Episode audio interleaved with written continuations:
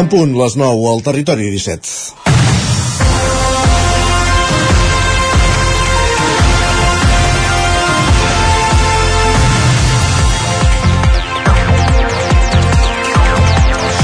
Bon dia, han començat les obres de l'escorxador de Manlleu. És l'únic municipal d'aquest tipus que queda a Osona, el més proper és el de Ripoll, tots dos considerats de baixa capacitat. És a dir, que donen servei a petits ramaders de boví, cabrum i oví allunyats dels grans circuits de la carn que fan venda de proximitat en petites carnisseries de l'entorn. És a dir, aquells que aposten per conceptes tan de moda però tan de tan difícil aplicació com són el quilòmetre zero i la sobirania alimentària difícil aplicació perquè malauradament no s'estila, no perquè no, no sigui fàcil. Entre ramaders i carnissers, proveïdors i clients, per entendre'ns, uns 200 negocis d'Osona i les comarques del voltant depenen d'aquest escorxador. Quin és el problema? Que des que va obrir l'any 1947, 1947, sí, s'hi han fet molt poques inversions de manteniment i avui l'equipament és obsolet. I això provoca, per exemple, molèsties als veïns que sovint han denunciat males olors, sorolls i altres problemàtiques procedents de l'escorxador. En una comarca com Osona, densament poblada de granges i on la norma impedeix ubicar una instal·lació d'aquest tipus a menys de 500 metres d'una granja, és difícil plantejar una nova ubicació.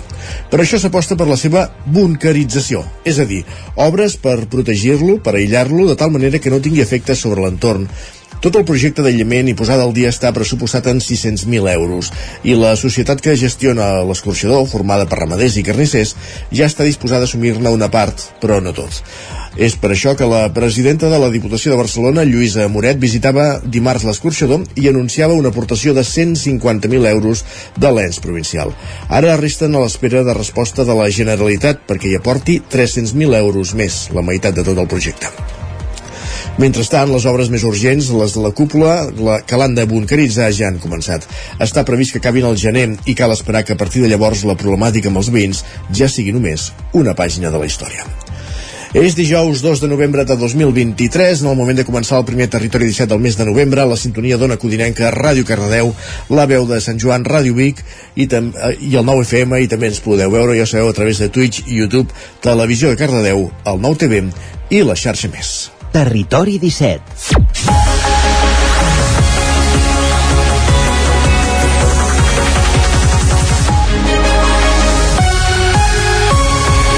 Dos minuts i mig que passen de les 9 del matí en un moment de començar el territori 17 i volem fer un apunt per recordar-vos que demà tenim edició especial del territori 17, 3 hores, territori ODS, en aquest cas des de Sant Joan de les Abadesses per abordar diferents aportacions a l'entorn dels objectius de desenvolupament sostenible eh, en companyia de l'Isaac Muntades però també molt ben acompanyat de la resta de l'equip del Territori 17 de les altres emissores que també es desplaçaran fins a Sant Joan de les Abadesses.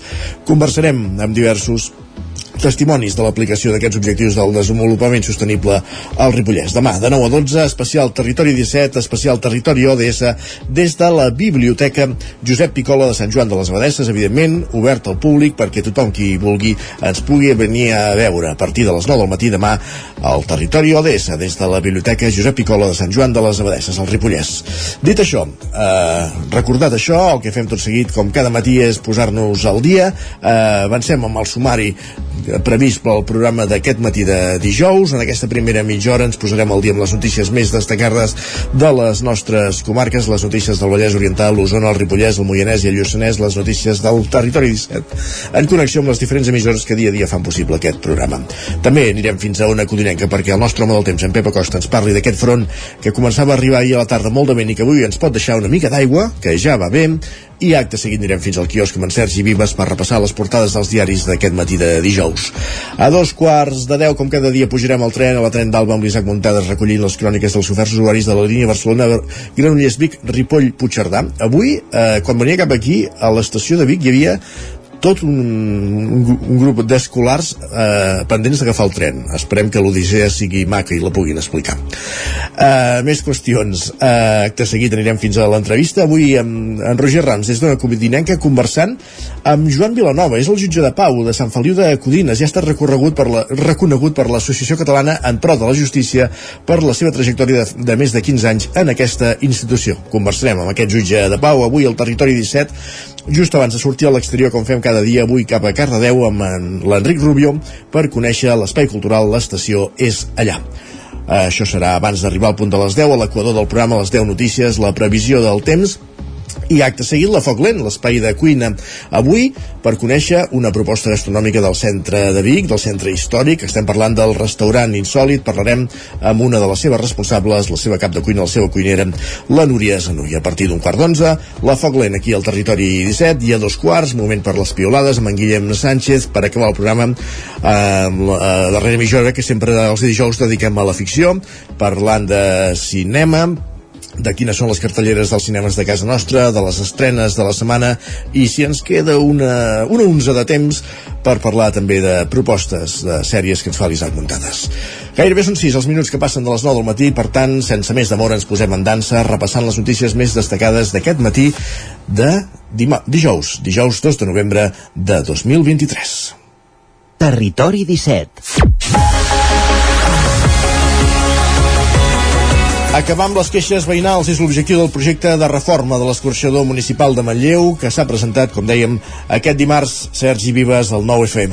Unes obres que suposaran una inversió d'entre 600 i 650.000 euros i que han de permetre bunkeritzar l'equipament per d'una banda posar punt final al conflicte endèmic amb els veïns que des de fa anys es queixen dels sorolls i de les males olors que desprèn l'escorxador i de l'altra adaptar les instal·lacions a la normativa mediambiental i de sanitat. La Diputació de Barcelona Barcelona i aportarà 150.000 euros. Ho ha anunciat la presidenta de l'ENS provincial, Lluïsa Moret, en una visita a l'escorxador. La Diputació de Barcelona posarà 150.000 euros amb aquest gruix de, doncs, de, de la despesa per transformar i per actualitzar les instal·lacions de l'escorxador, però per altra banda també és el suport i l'acompanyament a l'Ajuntament a resoldre altres lògiques que no solament són econòmiques, sinó també doncs, de, de, de, per exemple, jo crec que és molt important posar amb, amb, doncs, amb, amb solfa un element molt important que és història de l'escorxador. Estem parlant d'una instal·lació de l'any 47. Amb serrells encara per tancar, el consistori manlleuenc confia que el 50% de la inversió total, per tant uns 300.000 euros, l'assumeixi la Generalitat de Catalunya. La resta correspondria a l'empresa que gestiona l'equipament, escorxador manlleuenc d'Artesans SL. El de Manlleu és un dels dos únics escorxadors municipals que queden a Catalunya i dona servei a petits ramaders d'Osona, Lluçanès i una part de la Garrotxa. Amb l'anunci del projecte de reforma, l'alcalde de Manlleu, Arnau Arnau Rovira parlava d'un dia històric. Com a Ajuntament estem plenament compromesos amb ajudar a l'escorxador perquè doncs, pugui fer la seva activitat amb tota la legalitat i complint amb els requisits perquè els veïns doncs, tampoc tinguin perjudici no pensen el mateix als veïns de la zona que consideren que el projecte de reforma és només un pedaç. Demanen que l'equipament es traslladi en una zona industrial per poder viure amb dignitat. Des de l'Ajuntament asseguren que l'opció de traslladar l'escorçador ja s'ha contemplat. Diuen, però, que la normativa no els ho permet perquè un equipament d'aquestes característiques només pot ubicar-se a 500 metres de distància d'una granja i no, hi ha, i no hi ha cap ubicació que compleixi aquests requisits. Un argument que tampoc satisfà els veïns. Més qüestions. A Torelló els fets delictius han augmentat un 5% aquest any respecte a l'anterior. Són les xifres que van donar aquest dilluns els diferents cossos policials en la reunió de la Junta Local de Seguretat que es va fer a l'antiga sala de plens a la Casa de la Vila. L'equip de govern la va convocar de forma extraordinària per tractar la problemàtica de seguretat arran de les incidències dels darrers mesos. Hi van assistir, a banda de la policia local, representants eh, dels Mossos, de la Policia Nacional, de la Guàrdia Civil i Protecció Civil. Segons va explicar l'alcalde Marçal Ortuño, al ple de dilluns es va exposar les dades per tenir una base certa és un augment eh, sí que, que evidentment eh, que ens fa que hi posem el, el punt d'atenció perquè el fet de que estigui en, en progressió en, ens preocupa, però posat en context i com ens informaven doncs, els cossos de, de seguretat eh, molt el, a l'ordre del que està passant arrel, de, arrel del, del país. Com a la majoria de municipis, deia, hi ha un augment de les estafes per internet, però les incidències a la via pública s'han incrementat per la qual cosa també es plantegen augmentar la plantilla de la policia. Confien revertir les incidències aviat. Tornem a Manlleu perquè les pujades d'impostos i taxes, especialment de l'IBI, de les deixalles, s'estan repetint a la majoria d'ajuntaments en l'aprovació de les ordenances fiscals del 2024. Els darrers en fer han estat a Osona, els de Manlleu. Després de la congelació de l'exercici anterior i com la gran majoria de consistoris en el context actual, l'Ajuntament de Manlleu apuja impostos i de taxes de cara al 2024. En les modificacions destaca l'increment de la taxa de deixalles, que té a veure amb la normativa que obliga que al 2025 el cost del servei correspongui a la recaptació. A Manlleu, pel 2024, suposa un increment de 35 euros amb la quota estàndard anual, que passarà a ser de 177 euros. També puja l'IBI amb la variació del tipus impositiu. En la modificació de l'IBI, tots els regidors de l'oposició hi van votar en contra i pel que fa als residus, Esquerra es va abstenir i ara gent de Manlleu i Aliança Catalana hi van votar en contra. Escoltem a Benjamí Nieto d'Aragent i Leonard Sánchez de la CUP. Per cobrir les despeses volem incrementar l'IBI un 7% i la taxa d'escombraries un 25%. Eh, per nosaltres és una barbaritat. Barbaritat perquè realment el sou de les persones de avui Manlleu Vaja, jo mm, l'increment no l'he tingut a la meva butxaca del 7%, jo suposo que la gent de Manlleu tampoc. Voldríem veure, doncs, un augment en la càrrega impositiva dels habitatges buits i una tasca diferent en aquesta matèria per part de l'equip de govern. Cal posar més esforç en assegurar la imposició d'aquest recàrrec, sobretot en els grans tenidors.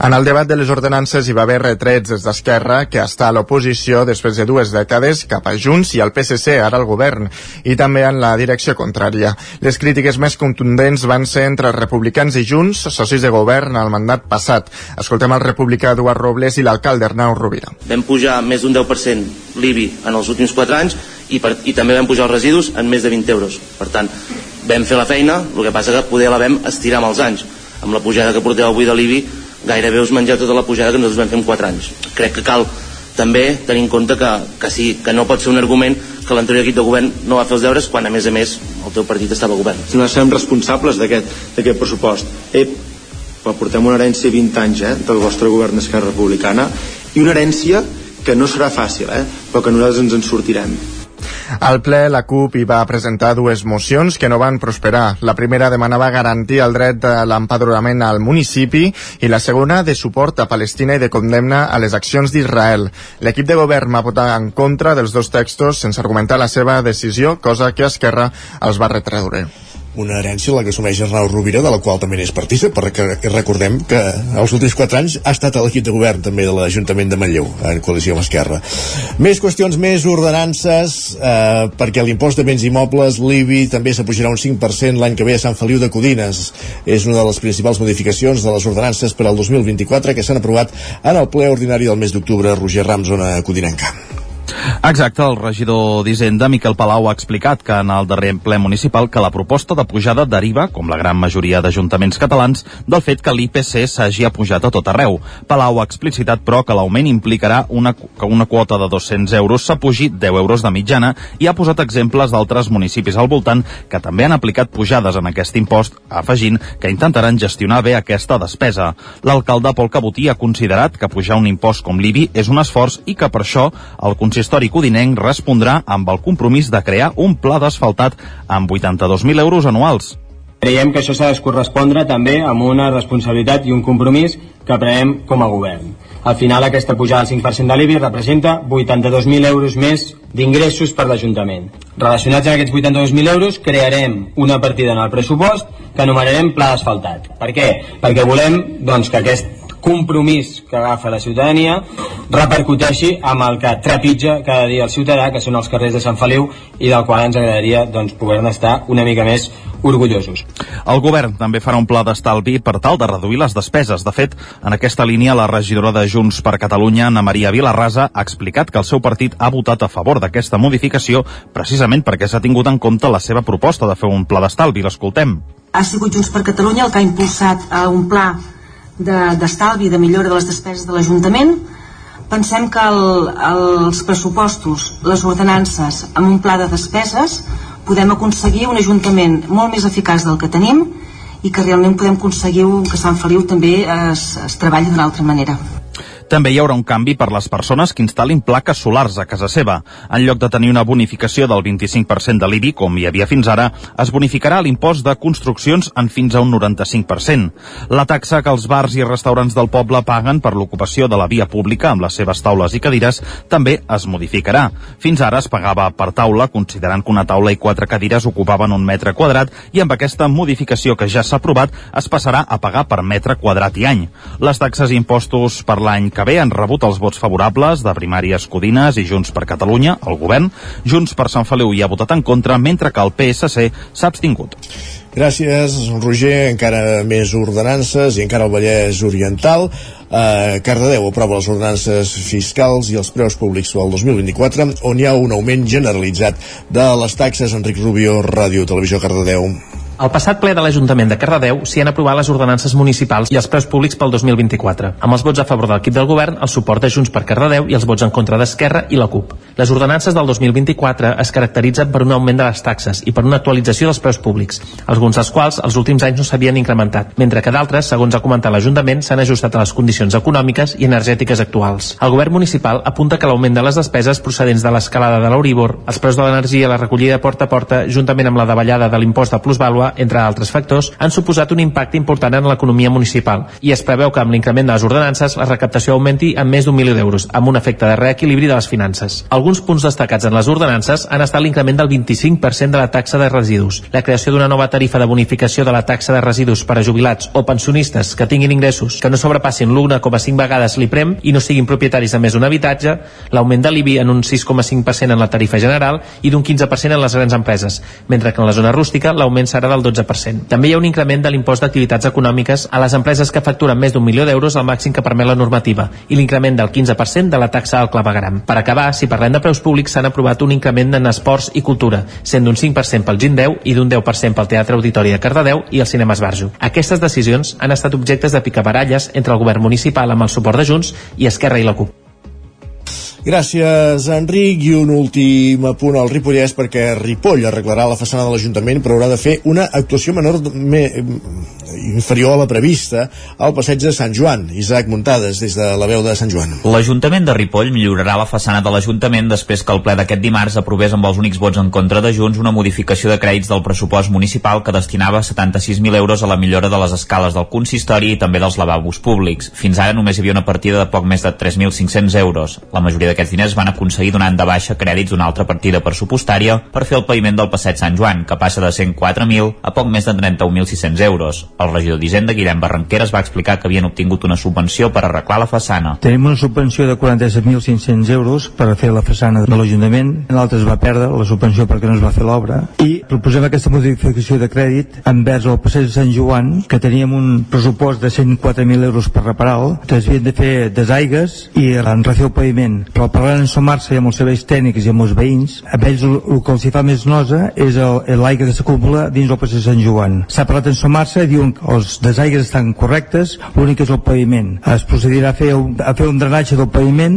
perquè absorbeixi més l'aigua i d'aquí traguem la partida aquesta de 73.000 euros per poder fer la façana. L'alcaldessa Sílvia Oriols va afegir que el tema s'havia desencallat perquè els havia arribat l'informe favorable al Departament de Cultura i ja podien fer la licitació. També recordava que fa dos anys ja hi havia aquesta partida però es va aixugar per destinar-la a altres prioritats. Al passeig de Sant Joan faran una actuació més petita de millora dels pendents i sanejament del sauló i més endavant no es descarta fer-hi una obra més grossa. El hàndicap més important és el temps, ja que s'ha d'acabar abans de finals de gener de l'any vinent. Però Barranqueres va dir que ho acabarien justet, però ho farien. La portaveu de Junts, Manoli Vega, va replicar-li que era important arreglar la façana de la casa consistorial, però que el projecte que combinava paviment i sauló al passeig de Sant Joan estava molt consensuat. I ens sap greu que ens diguin que han parlat amb veïns perquè nosaltres hem parlat amb diferents veïns i ningú té constància quan era un projecte que ja estava fet i estava consensuat amb els veïns. Això va ser a últims d'aquest mandat, devia ser el mes de febrer, i ens estranya això, no? Nosaltres hem pogut parlar amb veïns que ens han dit que no han estat informats del canvi aquest que hi ha hagut. Oriols va respondre-li que no es podien permetre el luxe de perdre una segona subvenció. Gràcies, Isaac. Acabem aquí aquest repàs informatiu que començàvem al punt de les 9 en companyia d'Isaac Muntades, Enric Rubio, Roger Rams i Sergi Vives. Moment al territori 17 de saber quin temps farà avui. I per això anem tot seguit fins a una codinenca, pescar el nostre home del temps, en Pep Acosta.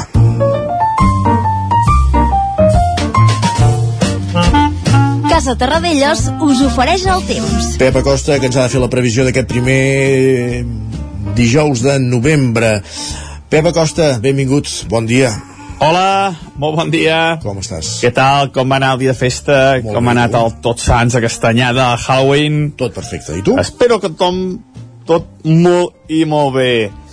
El temps avui s'anima. El Això temps avui s'anima. Arriba aquesta pertorbació, eh, l'han anomenada Ciaran, o Ciaran crec que es, es diu així, eh, es pronuncia així, no sé bé com es pronuncia, eh, és una pertorbació que està donant molt de parlar, sobretot cap a França, cap a, a cap a les Illes Britàniques, també cap a l'oest de la península Ibèrica. Eh, per mala sort, per les nostres poblacions, per les nostres comarques, és una alta pertorbació eh, atlàntica eh, que, que s'introdueix a, a la península Ibèrica per l'oest i travessa tota la península Ibèrica d'oest a est. Eh, ja està tocant els Pirineus, eh, ja està deixant forces precipitacions cap als Pirineus, n'ha deixat moltíssima cap a la cornisa cantàbrica, cap a l'Atlàntic, però, com sempre, aquestes perturbacions atlàntiques últimament aquí arriben molt i molt desgastades.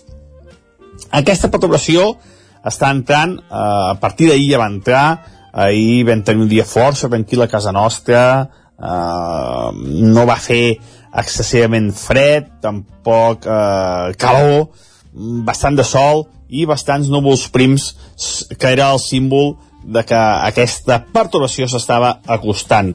I un element, el més destacat d'aquests dies, que ahir ja es va començar a notar, va ser el vent. El vent eh, serà el protagonista, sense cap mena de dubtes, avui i demà. Atenció als cops de vent que hem tingut ja aquesta nit i primeres, i primeres hores del matí, Uh, el Puig de Solles hem superat els 140 km per hora, sens dubte ben huracanat, uh, molt important, i hi ha moltes poblacions que no estan habituals al vent. Atenció, avui, molts cops de 50, 60, 70 km per hora, molt de compte, molta precaució amb aquest element, eh? amb el vent que serà el gran protagonista del dia d'avui. També protagonista la pluja, la pluja que de cara al migdia, primeres, primeres hores de la tarda, ens pot afectar poca cosa, la majoria entre el 0 i els 5 litres. Només pluges de més de 10-15 litres a la zona del Pirineu. També destacable la baixada de temperatures.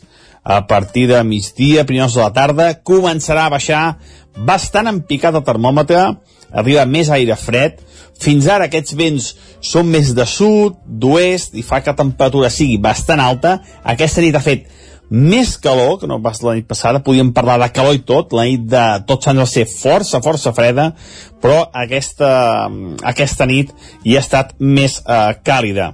A partir de mitja tarda, com deia, la temperatura baixarà en picat perquè entrarà vent de nord. Aquest vent de sud que tenim ara es convertirà en vent de nord i per tant farà baixar la temperatura en picat i el vent tornarà a ser eh, destacable tornarà a ser destacable durant tot el dia d'avui.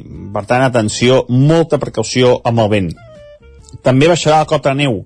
Si ara comencem amb uns 2.200-2.300 metres estan en aquesta altitud més o menys ja al Ripollès ja comença a nevar doncs baixarà fins als 1.700-1.800 metres. La nevada es pot intensificar aquesta tarda vespre nit cap al Pirineu, eh, no passarà de, de lleu o de moderada, ni de bon tros serà una gran nevada, però bueno, els cims més alts del Pirineu sí que es poden veure força, força emblanquinats. I això és tot, demà farem balanç d'aquesta pertorbació, eh, que serà important i serà l'element del vent el més destacable, per tant, moltíssima precaució el dia d'avui. Adéu. Adéu, parlem més tard, Pep. El vent serà protagonista perquè l'aigua ja ens ha quedat clar que n'hi haurà però poca, eh? Ni 5 litres veurem caure. En fi, mira que convé. Gràcies, Pep. Parlem d'aquí una estoneta. Casa Tarradellas us ha ofert aquest espai. I anem ràpidament cap al quiosc perquè si no farem salat. Sergi Vives, quines són les portades dels diaris d'avui, dijous 2 d'octubre, de novembre, perdó. 2 de novembre. El... Ja m'anava un mes enrere. Sí. El, uh, comencem pel punt avui, que encapçala en portada amb el titular Maniobra... Fa, fa un mes feia calor, no havíem canviat l'hora, mare de Déu senyor. Sí. encapçala en portada amb el titular Maniobra contra l'amnistia. Expliquen que els vocals conservadors del Poder Judicial demanen un ple extraordinari per rebutjar la mesura. Ja trigaven a sortir aquests, eh? Sí, clar. Diuen que Esquerra assegura que la llei pactada amb el PSOE inclou tots els represaliats polítics. Quan parles d'Esquerra vols dir de l'acord de la castanyada, eh? perquè en plena castanyada ens, ens arriba un acord d'investidura impressionant. Sí, sí, sí. Sense encara la majoria necessària, però acord.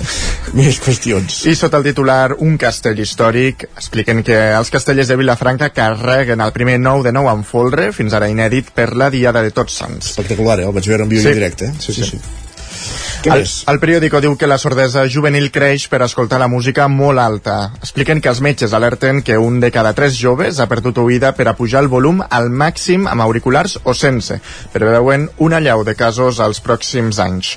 La Vanguardia diu que la tramitació de l'amnistia deixa Junts a un pas del sí a Sánchez. Expliquen que els negociadors liquiden els últims serrells del pacte polític alhora que envien la llei de l'oblit penal al Congrés per debatre-la pròximament. Lara diu que la dreta judicial s'activa per intentar frenar l'amnistia. Expliquen que vuit vocals, vocals del poder judicial demanen un ple extraordinari per rebutjar la llei que el PSOE ultima amb Esquerra i Junts, denuncien que posa en perill la Constitució, la independència dels tribunals i la seguretat jurídica. Més coses, no? Tot. el... Anem a repassar premsa espanyola. El país diu que el preàmbul de l'amnistia apel·larà a l'ordre constitucional. Expliquen que el text que es negocia per la investidura de Pedro Sánchez explicita l'objectiu d'afiançar la convivència democràtica a Catalunya. L'ABC diu que Egipte obre pas amb Gaza i deixa sortir a 80 ferits i 500 estrangers. Expliquen que un anestesista espanyol figura entre els evacuats. Mentrestant, diuen Israel accelera l'operació per terra i està ja a les portes de la capital de la Franja. Al Mundo diu que Armengol blinda l'amnistia amb un lletrat molt vinculat al PSOE. Expliquen que Fernando Galindo, que arriba a la Secretaria General del Congrés des del govern, està lligat al partit des de la seva joventut. I acabem amb la Razón, que diu que la Moncloa no vol dissidència al PSOE amb l'amnistia. Expliquen que alcaldes i dirigents provincials reben trucades per tancar files amb Sánchez. Diuen que hi ha hagut intenses hores de negociació per tancar el pacte sobre la nació catalana i basca. I encara falten els diputats de Junts. Va, uh, ràpidament, repassem digitals, l'edició de Sony del Ripollès del 99.cat. Doncs ens diuen que Tona reestrena biblioteca després d'una llarga reforma i ampliació. I a l'edició del Vallès Oriental? Doncs que les incineracions es consideren al voltant del 50% de les defuncions al Vallès Oriental. Gràcies, Sergi. Acabem aquí. Tornem d'aquí 3 minutets. Fins ara mateix.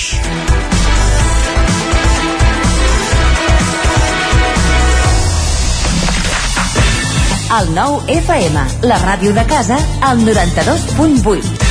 Quan tingui un problema amb la seva caldera, vagi directament a la solució. Truqui sempre al servei tècnic oficial de Saunier Duval i despreocupis, perquè som fabricants i coneixem les nostres calderes peça a peça. I ara aconseguiu fins a 300 euros en canviar la caldera. Informeu-vos al 910 77 10 50 o a saunierduval.es. Amb Pradell estalvio energia i cuido la meva butxaca i el medi ambient.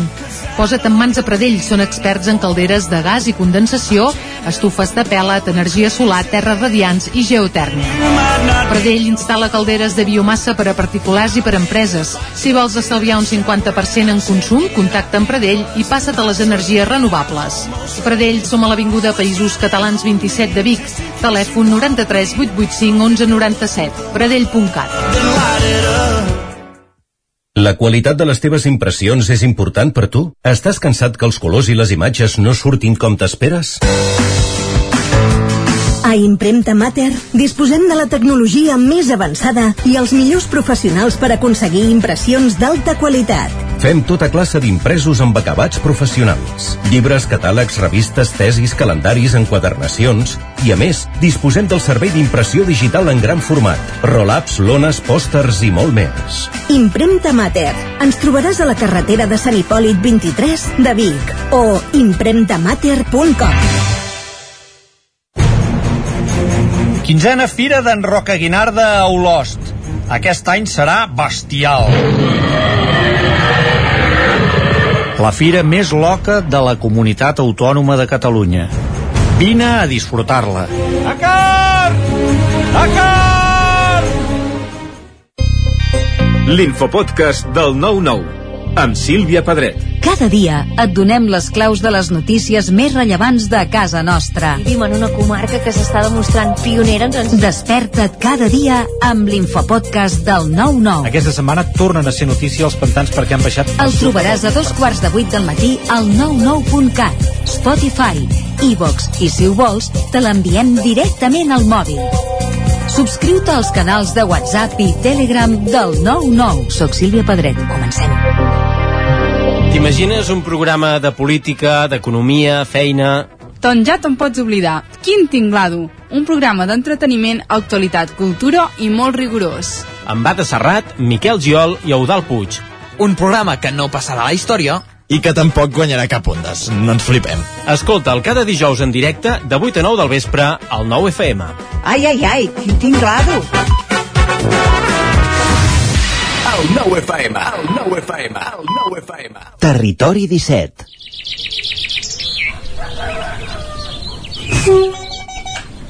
A Tren d'Alba.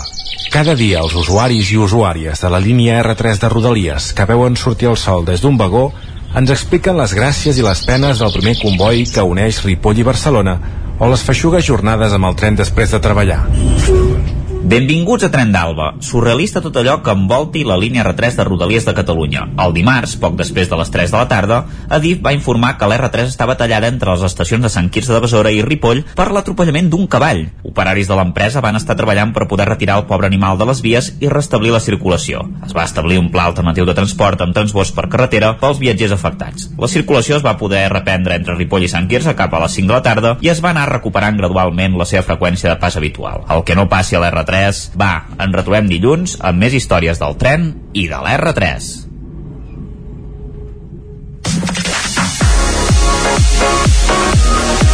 Territori 17. Un minut que passa d'un quart de 10 del matí.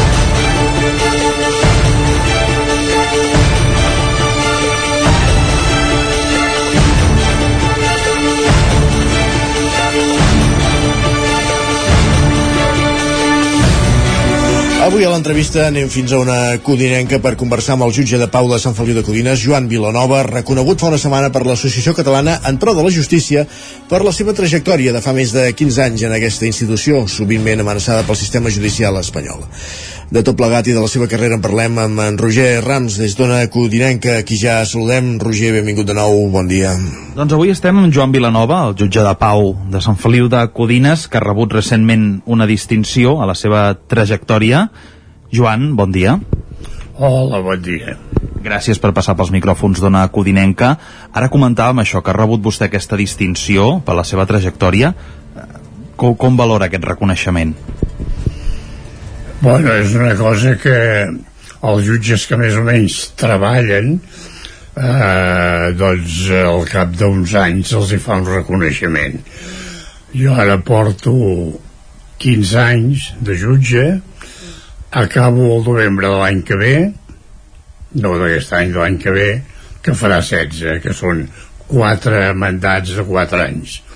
Perquè això el jutge es fa una convocatòria i llavors els que es presenten es fan unes eleccions ha d'estar d'acord l'Ajuntament l'Ajuntament ho ha de passar a Granollers el Granollers em sembla que ho passen a Madrid i llavors ho accepten o no ho accepten per tant, què, què significa per vostè aquest reconeixement? És a dir, és, és com deia, un premi a, a, a la carrera, no, al final?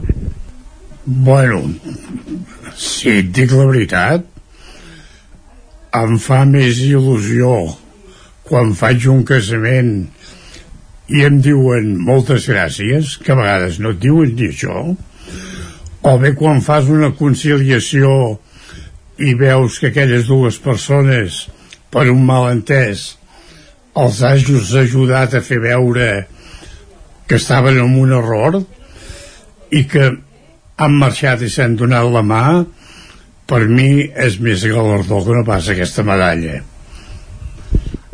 està clar, està clar. Al final, la tasca del jutge de Pau és molt del dia a dia, no? Eh, jo volia preguntar, Joan, com és aquest dia a dia al jutjat de Pau de Sant Feliu? És a dir, quines coses són a les que, a les que més t'has hagut d'enfrontar? Bueno, a més, a més de jutjat de Pau portem registre civil. Ah, llavors, ja porta feina, porta feina, que passa que tinc una secretària molt espavilada i molt treballadora. La veritat és aquesta, eh? Espero que no se la deixin perdre a l'Ajuntament, perquè ella és la que té més feina. Quan hi ha un naixement, s'ha d'inscriure el naixement. Però a la vegada ho hem de passar en el, si tenim el casament dels pares ho hem de passar en allà a l'altre lloc quan hi ha una defunció s'ha de passar la defunció. Fins fa poc i ara ja no és així quan hi havia algun accident o algú que, que es suïcidava havíem d'anar-hi. Ara hi anem per quedar bé amb la família perquè sembla que sí. A més a més dels que venen de Granollers que es cuiden d'aquests afers si més a més hi troben una o dues persones conegudes sembla que estiguin més recolzats. Llavors fins i tot alguna vegada m'he cuidat de que vinguessin per casos d'una mort d'una persona molt jove i no sé, o d'altres morts doncs a buscar uns psicòlegs perquè vinguessin a fer un ajut a, a la gent això els que venen de no ho fan. Ara els que som de casa intentem de que, de que estigui al màxim de bé millor. Vol dir que no és obligatori però jo tinc avisat els municipals que quan hi hagi qualsevol problema que m'avisin per tant, aquí es plasma no, també aquesta figura de que el jutge de pau va molt més enllà en un poble com és Sant Feliu de les seves funcions. Vostè ha vist de tot bueno eh, a mi m'agrada. M'agrada perquè si no no portaria els anys que porto.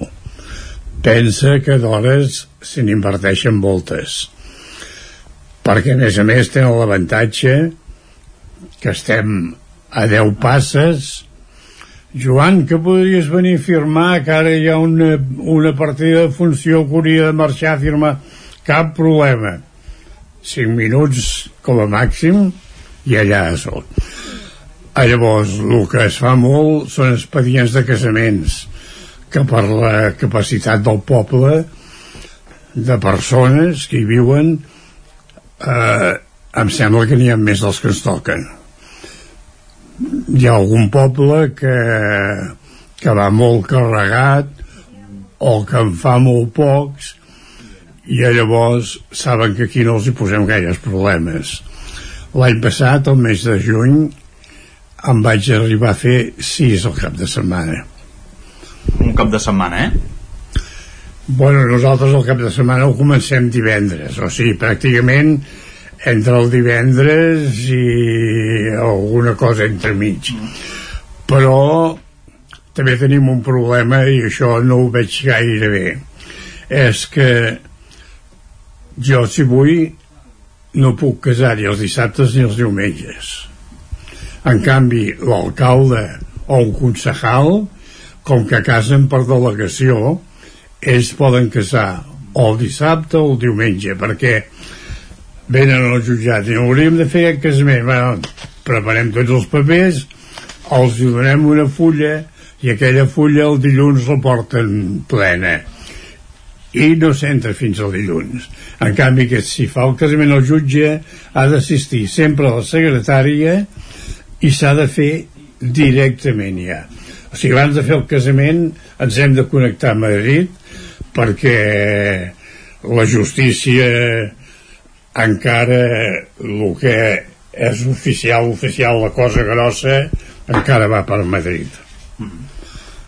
Ara en, ens parlava al principi de, de que són moltes hores. Tot plegat és una vocació. Al final, la figura del jutge de pau és, és vocacional. Vostè s'ha dedicat a, a banda a altres afers. Uh, com, com, per què? Per què va decidir ser jutge de pau? Mira, m'ho va demanar el jutge de pau que plegava, que era el Francesc Rovira, va dir, voldria ser-ho. Bueno, mira, no ho sé, m'ho pensaré, ja t'ho diré. Però li vaig dir que sí. Li vaig dir que sí. Uh, què comporta això? Jo no sabia res res del, ju del jutjat de pau. No sabia res de com fer un casament. No sabia res de com fer una conciliació.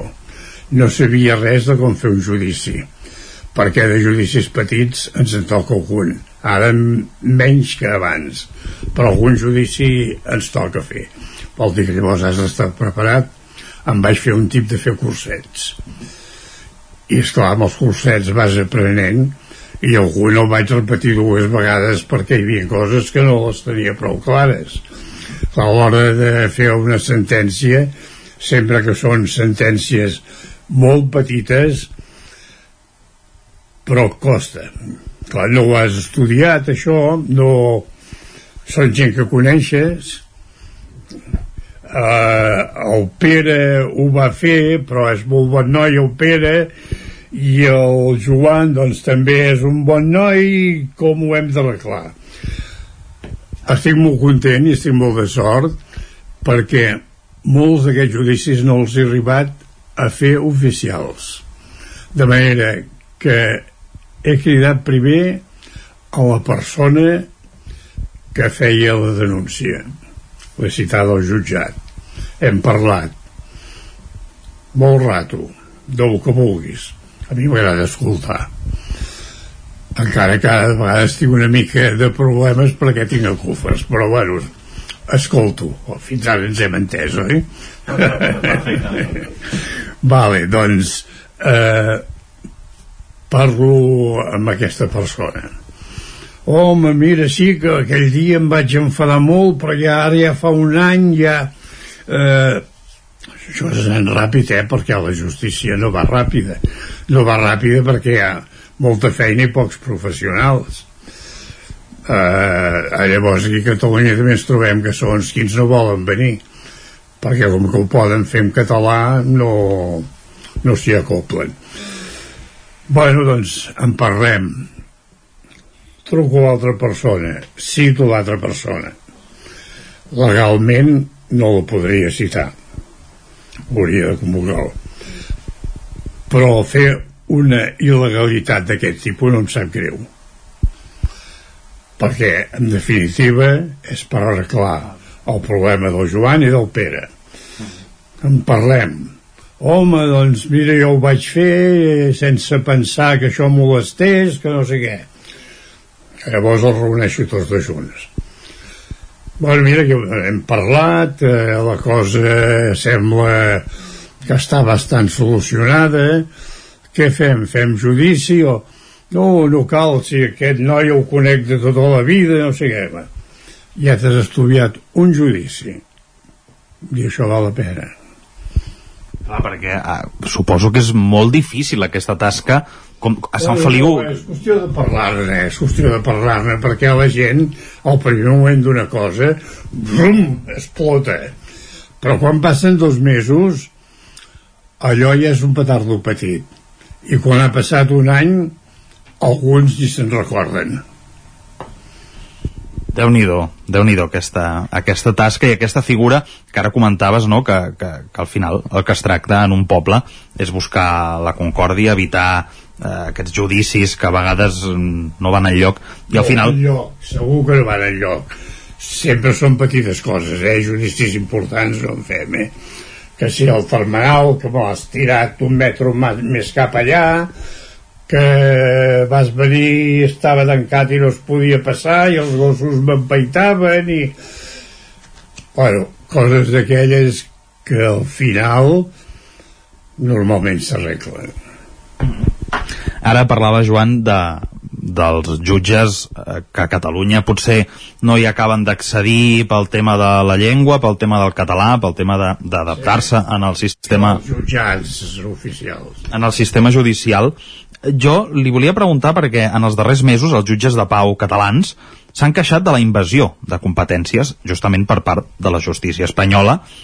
Uh, com, com ho ha viscut això vostè aquí a Sant Feliu? Això a nosaltres es, es podria dir que no ens toca. No ens toca perquè això ja és més cosa de jutjat de, de primera instància, de... aquests temes no ens toquen l'única cosa que nosaltres ens hem volgut fer forts és en què no es treguin els, jutge, els jutges de pau de cada població mm.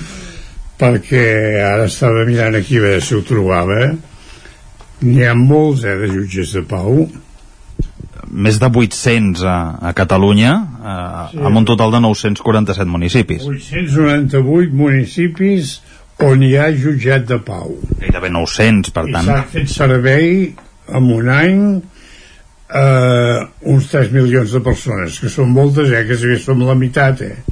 Perquè el que ha fet un casament, ha fet un bateig, són d'aquelles coses que tothom hi passa. Per lo que sigui, tothom hi passa. Els casaments m'agrada personalitzar-los molt, eh? Com, com s'ho prepara, això? Mira, jo no faré un casament igual per tu que per un senyor de 45 anys o per un senyor que n'hi fet de casaments express que són gent que tenen ja la sentència de mort que algun ha vingut amb ambulància i han fet el casament no els puc fer igual. Amb un vaig tenir un fallo molt important que són d'aquelles coses que queden per tota la vida.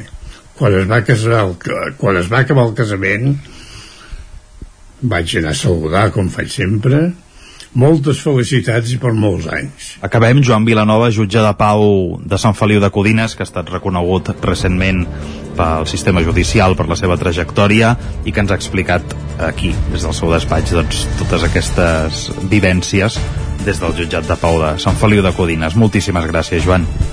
De res, a vosaltres.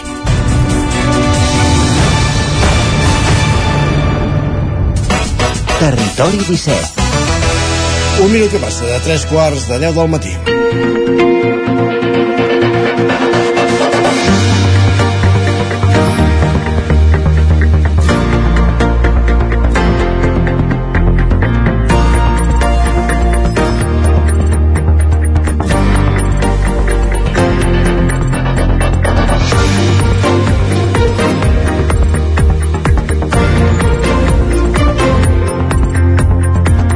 Moment al territori 17 com fem cada dia de sortir al carrer, de sortir a l'exterior avui anem fins a Cardedeu per conèixer una proposta titulada L'estació és allà, l'espai cultural Enric Rubio, Ràdio Televisió Cardedeu benvingut un dia i jous més, bon dia Hola Isaac, què tal? Bon dia, com estem? Molt bé, i tu? Doncs molt bé, mira, t'explico una miqueta, perquè avui hem sortit al carrer i hem creuat tot el poble fins a l'altre extrem per acabar-nos de despertar un xic amb un xic d'art i bones expressions artístiques. L'estació és allà, és un projecte d'ensenyament de les arts i les lletres on a part de les activitats es duen a terme exposicions que varien d'expressió artística. Fins fa quatre dies, o ni tan sols quatre, en aquesta ocasió s'havien ajuntat quatre fotògrafs, eh, en propi Jordi Aliguer, que és qui tenim avui aquí amb nosaltres i que ens explicarà àmpliament l'espai, Jaume Sala, l'Ariadna Bolsina Alsina i Jaume, i Jaume Ramel. Joan Ramel, disculpeu. Volem parlar sobre l'exposició que fins ara havia ocupat aquest espai i la que entrarà, o l'expressió artística que entrarà d'aquí molt poquet, però també sobre els orígens d'aquest espai i la seva trajectòria. Bon dia, Jordi, moltes gràcies per obrir-nos les portes d'aquest acollidor espai. M'agradaria que els oients poguessin veure, perquè realment és molt diferent el que es veu de fora a portes endins, i gràcies també per estar amb nosaltres al Territori 17. Gràcies a vosaltres, bon dia a tothom. Um, primer de tot, deixa'm preguntar-te pel nom de l'espai i alhora demanar-te disculpes perquè n'estic segur que no és ni la primera ni l'última entrevista que s'inicia amb aquesta qüestió. Pels nostres oients de fora de Cardeu us direm que, tot i que si no vaig errat és un dels versos de Josep Vicenç Foix, no obstant això, des de l'estació és allà, des d'aquest espai, prà pràcticament es pot veure precisament l'estació de trens de Cardedeu. Tenim una relació clarament directa o, o vaig errat? No, evidentment, ja vaig bé, ja, perquè quan vam decidir d'obrir aquest espai, que vam tindre la possibilitat de fer-ho, eh, jo sóc un gran admirador de l'obra poètica del Foix, i vaig pensar que, bueno, que estem molt a prop de l'estació i vam dir, bueno, doncs ara és el moment de fer un joc de paraules que, que, que facin pensar o que siguin com, com divertides i entranyables alhora. El Foix té una prosa poètica, tenia, vaja, una prosa poètica que es titula L'estació, precisament. I llavors em diu, home, ja està, eh? li fem un homenatge a en Foix a través d'aquesta pro, prosa poètica, si l'estació, tenint en compte que l'estació la tenim al costat. I, i, ben, I ben redundant, realment ha quedat tot... Evidentment, evidentment. I llavors, doncs, bueno, d'aquí ve el nom eh, de l'estació és allà, Espai per les Arts i les Lletres, una mica aquest joc de eh, la prosa poètica de l'estació i l'estació de tren que està aquí. I tant, només, només amb el títol ja, ja apunta maneres, eh, aquest espai. Uh, a veure, explica'ns una mica l'origen d'aquest punt de trobada i exposició artística. D'on sorgeix, com va començar tot i quina relació i vinculació en tens tu, Jordi? Mira, jo fa com gairebé eh, 30 i alguna d'anys que dono classes aquí a Cardedeu de dibuix, pintura i gravat. A part que jo he estat molt lligat també en totes les activitats d'aquest poble amb art, amb art contemporani que jo prefereixo dir-li actualment art vigent um, sempre havia tingut espais petitets on fer les classes i la meva il·lusió era tindre un espai gran com el que tenim, com el que has vist i veus ara que això realment és un luxe perquè estem parlant d'un espai de 300 metres quadrats i això eh, ens ha permet, m'ha permès junt amb la meva companya, amb l'Anna Vivaí de fer mm, no únicament les classes sinó també de fer un projecte cultural més ampli.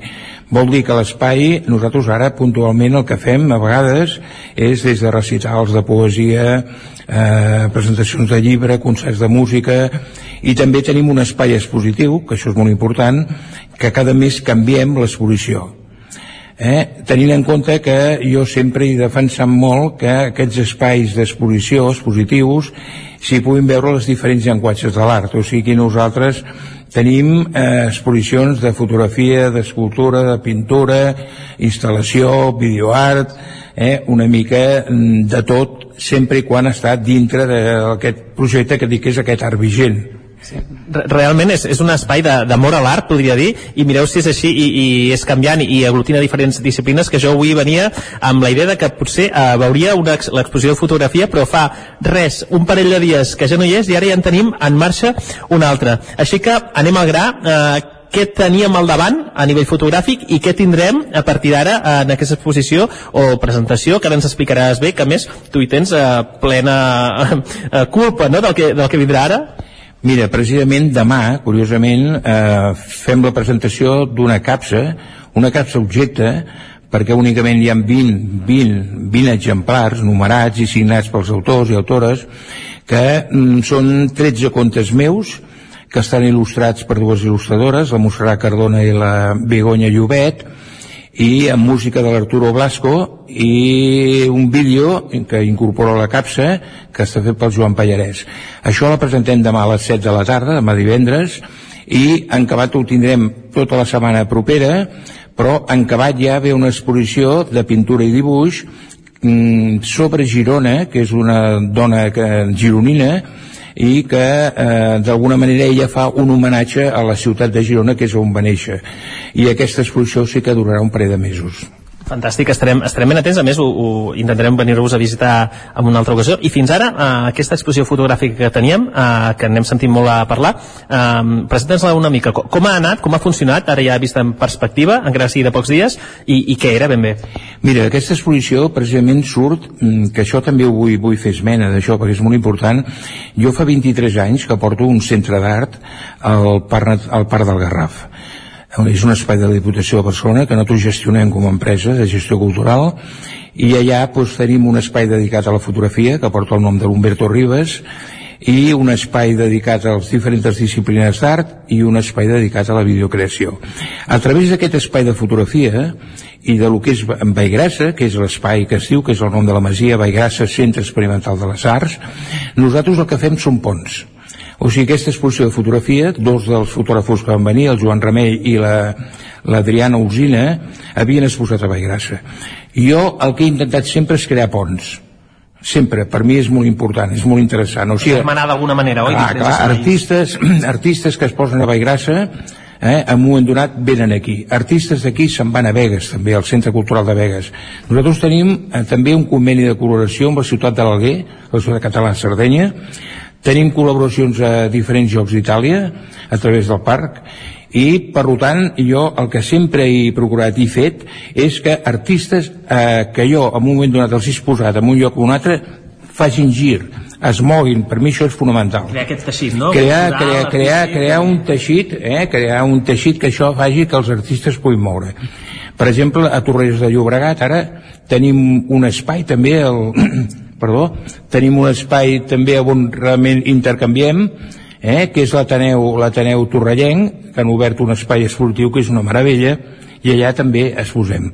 Com també en un poble que es diu Orozco, al País Baix, tenim un conveni de col·laboració, que és on anava a escriure el Blas d'Otero, poeta, i allà també fem exposicions. O sigui, veiem que això és, no és més que la pedra angular, la punta de l'iceberg de, de tot el que arriba a ser, cosa que, que crec que a títol personal permet-me la, permet la llicència, que és una miqueta el, el què i el, el sí de la, la qüestió artística avui dia, no? que si, si el, el futur jo crec que ha d'anar encaminar cap a aquesta banda, no? ha creat teixit i menys individualismes i més xarxa en aquest eh, espai. I parlant també de, que, de cap a on ha d'anar l'art potser avui dia, eh, aproximar l'art als més petits eh, també al meu pare és una de les tasques més importants i de vegades més de més difícil aplicació per moltes famílies. Pot ser aquest un espai on venir precisament amb tots els de casa i poder-los aproximar aquests dies, per exemple, a fotografia o properament amb aquesta capsa que ens, que ens comentaves? Mira, nosaltres l'espai aquest nostre, les teixos allà, eh, per exemple, primer et diré que a nivell de, de taller, d'escola, d'Escola d'Arts Plàstiques, nosaltres donem classe amb nens a partir de 6 anys, però evidentment jo això per mi ha sigut fonamental sempre. Penso que en aquest país una de les coses que falten és pedagogia artística. Quan jo vaig eh, plantejar de fer, i així es va fer i encara es fa, el projecte Caradeu de Caradeu en Barbigent, el vam fer quan havia la Carme Closelles, la directora del museu, que ara està de directora al Museu de Girona, i aquesta idea es va llançar precisament des d'aquesta òptica, de dir, escolteu una cosa, els nens de les escoles els hem d'apropar als artistes contemporanis vius, perquè més hi ha una cosa és molt curiosa, és que si ens fixem, les escoles en general encara, any tal, mort, any tal, mort. No hi ha un referent no, actual que pugui no, no, allà no, si tenir exemples. No, no, no, vinga, i anar fent artistes morts. I llavors hem dit, no, no, hem de fer artistes vius que n'hi ha i que és molt interessant. Hi ha una anècdota molt, molt, molt divertida i molt, molt clara sobre això que parlem, que és que quan vas posar el Benet Rossell, aquí, la idea de, de Cardeu en Barbigent, que és el que es fa, d'inici ja era portar els nens de les escoles públiques que en aquell moment passaven més de 2.500 nens de les 5 públiques, eh, 5 públiques, doncs venien al museu, veien l'obra de l'artista, se'ls explicava com han de mirar l'obra d'un artista, feien tallers arran d'un element de l'artista i han acabat finalment l'artista anava a les escoles classe per classe per als nens. Això és un projecte que sàpiga jo encara no s'està fent al lloc de Catalunya. Això seria, això és ensenyament. Ensenyament. totes les Ensenyament. Per tant, educació pedagògica i plàstica.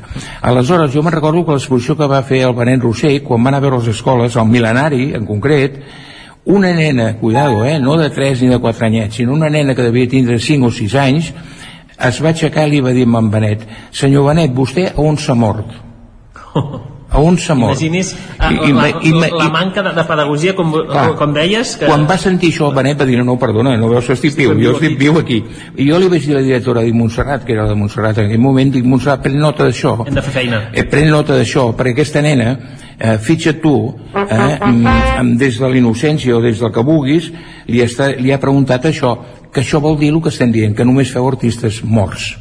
És, és un, un, un toc, eh? Era un toc d'alerta, en aquest cas, de, molt evident no? del, del, que, del que es, està passant i, i, i agafo aquest apunt perquè és molt interessant i poca gent n'havia parlat. Uh, anem a veure, uh, ja per anar acabant, malauradament m'encantaria poder uh, continuar parlant, però ens queda molta estona. Uh, fins quan estarà activa aquesta exposició?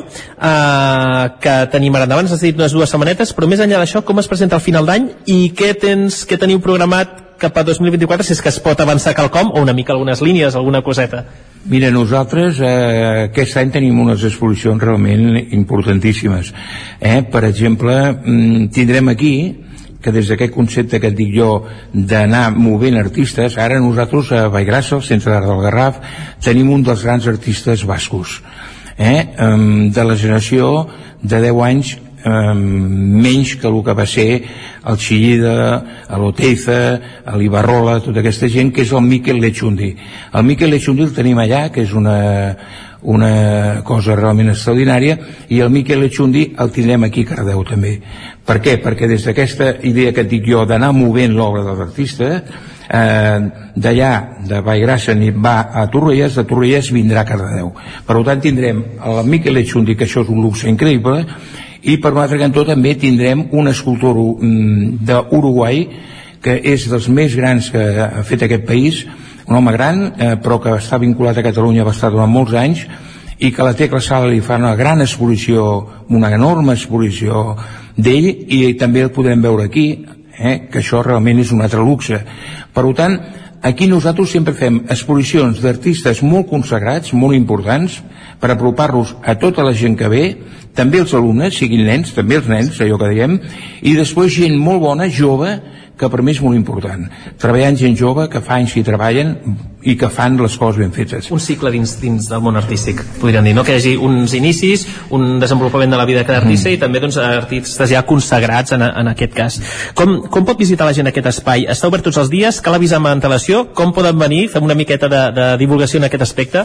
Mira, nosaltres eh, la sala d'exposicions i l'espai en general eh, el tenim obert de dilluns a divendres de 6 a 8 o sigui que de 6 a 8 pot vindre eh, la persona que vulgui, encara que estiguem fent classes no molesten en absolut, al contrari, això també és bonic perquè la gent com ve agraeix molt veure eh, l'activitat que es fa aquí, eh, la gent quan està treballant jo diria que no sé si tinc alumnes o jo sóc alumne dels que, dels que venen. Això al final d'una trajectòria quan ja està consagrada acostuma a passar oi? Jordi, eh, moltíssimes gràcies, de bo ha estat un gran plaer estar aquí, veure aquest espai, conèixer-te en persona. Espero que ens veiem properament. Isaac, volies fer algun últim apunt? No, no, ha quedat tot claríssim. Gràcies Fantàstic, Enric, doncs, gràcies Jordi. gràcies per tot. Bon dia. Gràcies a vosaltres i molt content molt content de poder explicar-vos tot això. Doncs prenem nota d'aquest espai cultural l'estació és allà a Cardedeu per anar-lo visitar quan, quan faci falta. Avancem al territori 17, ara quan passa un minut pràcticament de les 10 del matí.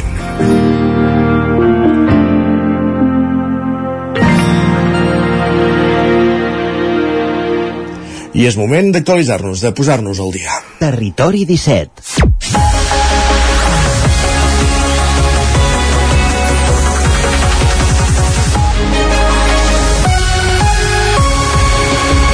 Moment d'abordar les notícies més destacades de les nostres comarques, el Vallès Oriental, l'Osona, el Ripollès, el Moianès i el Lluçanès i ho fem en connexió amb les diferents emissores que dia a dia fan possible aquest programa.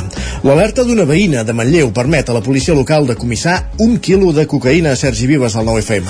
La dona va trucar a comissaria informant que havia vist un home entrar corrent en una escala del barri de Baix Vila. Això havia coincidit amb maniobres de la policia a la mateixa zona que es podia intuir que buscava algú. Els agents s'hi van desplaçar i van trobar el sospitós en un tercer pis. Trepitjava una catifa on hi havia alguna cosa amagada. En aixecar-la, la policia local van trobar dos paquets precintats amb contingut d'una substància blanca, suposadament cocaïna. L'individu va aprofitar que els agents estaven ocupats eh, per intentar escapar-se a escales avall, però va aconseguir interceptar-lo a la porta i posteriorment se'l van detenir per un delicte contra la salut pública i de tràfic de drogues. La cocaïna intervenguda pesava 970 grams. Can de Bànol, Ripollès, posarà 266.000 euros per arreglar la depuradora compartida. Can de Bànol aportarà 266.000 euros per arreglar la depuradora compartida amb Ripoll. Isaac Muntades, des de la veu de Sant Joan. La millora de l'estació de tractament d'aigua potable que comparteixen Ripoll i Camp de Bànol s'ha convertit en una prioritat urgent per l'equip de govern del municipi Camp de Bànolenc format per Sumem, el PSC i la CUP. L'estiu del 2022 la sequera va catapultar els nivells d'arsènic per sobre de l'establert i durant més d'una setmana es va desaconsellar als habitants de les dues poblacions el consum d'aigua de l'aixeta. Per modernitzar la depuradora hi ha un projecte valorat en un milió i mig d'euros. L'Agència Catalana de l'Aigua ja té prevista una subvenció de mig milió d'euros però la resta hauran d'assumir entre Ripoll i Camp de Bànol. Al tenir més habitants, la capital de comarca hi aportarà el 75% dels diners, mentre que Can de Bànol hi posarà el 25% restant, uns 266.000 euros. L'execució del projecte s'ha de produir durant el 2024, per tant el consistori haurà de dotar una partida pressupostària per fer-lo. Aquest fet va generar polèmica entre l'equip de govern i el grup a l'oposició de gent de poble, ja que 180.000 euros, 90.000 d'enguany i 90.000 del 2024, es van treure fent modificacions de crèdit. Aquests diners anaven destinats a allargar la xarxa d'aigua potable per arribar del càmping Pirinenc fins a l'Alt Palma per abastir els veïns de Sant Llorenç. L'alcalde de Canano, l'Oriol Lázaro, va dir que s'havia havia de prioritzar l'etap. Deies prioritats polítiques. És molt important dur l'aigua fins més amunt del, del càmping. Però des del nostre punt de vista, com que fer política és prioritzar, hem prioritzat que el poble de Can Davano i el de Ripoll deixin de veure arsènic i poder arreglar aquesta estació depuradora. Aquests 266.000 euros que no tenim els hem de trobar d'algun lloc. Aleshores vam pensar, aquests 90.000 euros que ja servien per invertir en aigua, posarem a una prioritat per nosaltres, que és que tothom pugui veure aigua potable de debò. Volem garantir la salut del nostre poble. Per tant, els derivem primer a garantir que l'aigua és plenament sana i potable, després, això és l'urgent, després ve lo important, és fer arribar l'aigua a tothom. El Batlle també va justificar que el projecte de Sant Llorenç estava verd. L'exalcaldessa Dolors Costa va contestar-li així. Que això sigui prioritari no vol dir que es tingui que treure diners de certes partides en concret. Jo, una de les coses que, que no m'agrada gens ni mica doncs és la partida aquesta de 90.000 euros que nosaltres havíem pressupostat d'aquests pressupostos d'aquest any per fer arribar l'aigua a tots els veïns de la carretera de, de Gombrèn amunt. M'ha sobtat el fet doncs, d'aquest prescindits d'aquesta partida. És compatible perfectament fer una cosa amb l'altra, al final és fer política, és, és fruit pues, d'una voluntat política. L'alcalde va dir que no hi havia tants diners. Giaxa, que és l'empresa que gestiona el servei, aportarà 20.000 euros. Com que l'obra tindrà una durada d'entre 8 i 9 mesos i començaria per Setmana Santa, els diners restants es podrien pagar el 2025. Gràcies, Isaac. Anem cap al Moianès perquè, aquest, perquè han començat unes noves obres a la carretera de Barcelona de Moià amb l'objectiu d'eixamplar les voreres i millorar el ferm. Roger Ram, zona Codinenca.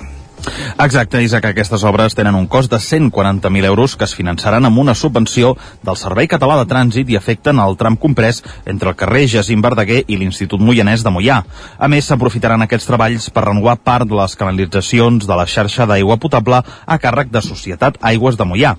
D'aquesta manera es busca reduir les pèrdues d'aigua potable substituint tuberies que ja són antigues.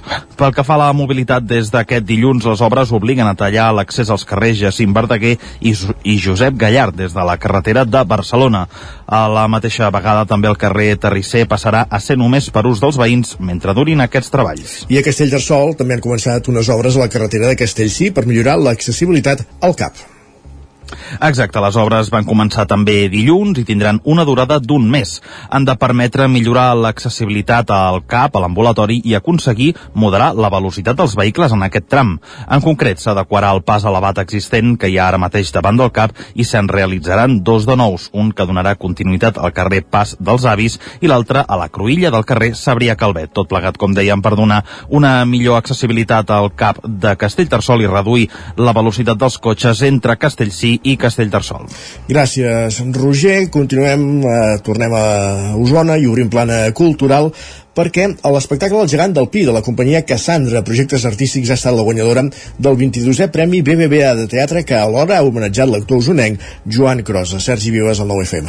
Ser una proposta que respira tendresa i versatilitat i al mateix temps risc i compromís. Són alguns dels motius pels quals el jurat de la 22a edició dels Premis BBVA de Teatre, que convoca la Fundació Antigues Caixes Catalanes, va decidir atorgar dilluns a l'Atlàntida de Vic el premi al millor espectacle de l'any al gegant del Pi de Pau Vinyals amb la companyia Cassandra Projectes Artístics. Això és el que deia la codirectora de l'obra Júlia Barceló durant el seu agraïment. És un dels actors que més treballa del món, és una persona totalment implicada en el que fa i que estima moltíssim aquesta professió, que ens va enredar a tots nosaltres a aquest projecte fantàstic i magnífic i, i que hem treballat tan a gust amb un equip tan rigorós i tan compromès que no puc fer res més que emocionar-me Vinyals, el mateix autor de l'obra, també es va endur la menció especial a la millor interpretació. El Premi Pro el recollia la manlleuenca Judit Colomé, que també s'ha encarregat de l'escenografia i la il·luminació del muntatge. Durant la gala es va lliurar un reconeixement a la trajectòria de l'actor i cantant osonenc de l'Esquirol, Joan Crosas. Va ser un dels membres del grup de folk Esquirols i després va desenvolupar la seva carrera. Va dedicar el premi als qui comencen al món del teatre. Jo vaig passar per càstings, per proves, per... i no, no sortia res. A vegades havia tingut el pensament de tirar la tovallola. Suposo que és el que els passa a molta gent jove que comença en aquesta professió. Jo el que els hi vull dir és que siguin tossuts, que segueixin, que tot això que estan sembrant funcionarà. El Premi BBVA de Teatre consisteix en una gira per Catalunya valorada en 20.000 euros que inclou la programació de l'obra premiada al Festival Temporada Alta. I en la plana esportiva, el camp municipal de futbol de Vic, l'Hipòlit Lanàs, acull més de 3.500 persones a l'eliminatòria de la Copa del Rei entre el Badalona Futur, equip que juga a Vic, i el Cádiz de la primera divisió. Ara bé, la classificació va ser pels gaditans, Sergi. Així, així és, va ser una jornada històrica. Ahir a Vic es va poder viure futbol d'alt nivell amb una eliminatòria de la Copa del Rei, amb la presència, com dèiem, d'un equip de la primera divisió. El Badalona Futur, que competeix a la segona federació, la quarta divisió de futbol estatal, va competir a un alt nivell. En alguns moments va posar contra les cordes al Cádiz i després d'acabar l'encontre amb un 0 a 0 va acabar caient als penals. Tot plegat, aquest partit es va jugar a l'estadi del Vic perquè és on el Badalona Futur juga i s'entrena aquesta temporada. Després que l'entitat encapçalada per l'exdirectiu del Barça Toni Freixas va quedar sense terreny de joc aquest estiu després de les desavinences amb l'Ajuntament i el Club Futbol Badalona i en la seva recerca d'un camp va trobar així doncs la complicitat de la Unió Esportiva Vic. Gràcies, Sergi. I un últim apunt per explicar que l'Aula Esportiva de Cardedeu obre inscripcions. El programa l'organitza l'Ajuntament i es desenvolupa en les cinc escoles de primària del poble amb l'objectiu de que els alumnes facin un tast de diversos esports. Enric Rubio, Ràdio Televisió Cardedeu. Doncs sí, així és, Isaac. Bàsquet, futbol, handbol, béisbol, hoquei, atletisme, voleibol o badminton són alguns dels esports que es practicaran a l'aula esportiva. El programa que organitza l'Ajuntament de Cardedeu les cinc escoles de primària al municipi amb l'objectiu que l'alumnat de tercer a sisè faci un tast de diversos esports d'una manera lúdica, divertida i també d'una perspectiva educativa. L'aula esportiva es farà un cop per setmana a les respectives instal·lacions esportives escolars, del 20 de novembre al 22 de març, de dos quarts d'una a un quart de dues. Aquesta és una iniciativa la qual gaudeix d'una molt bona acollida i que s'assimila al Saló de l'Ensenyament pel que fa a conèixer i escollir quelcom de cara al futur, però dins l'àmbit esportiu. Gràcies, Enric. Acabem aquí aquest repàs informatiu que començava el punt de les 10 i un minut en companyia de Sergi Vives, Enric Rubio, Roger Rams i Isaac Muntades. Moment de saludar de nou l'home del temps, en Pep Acosta.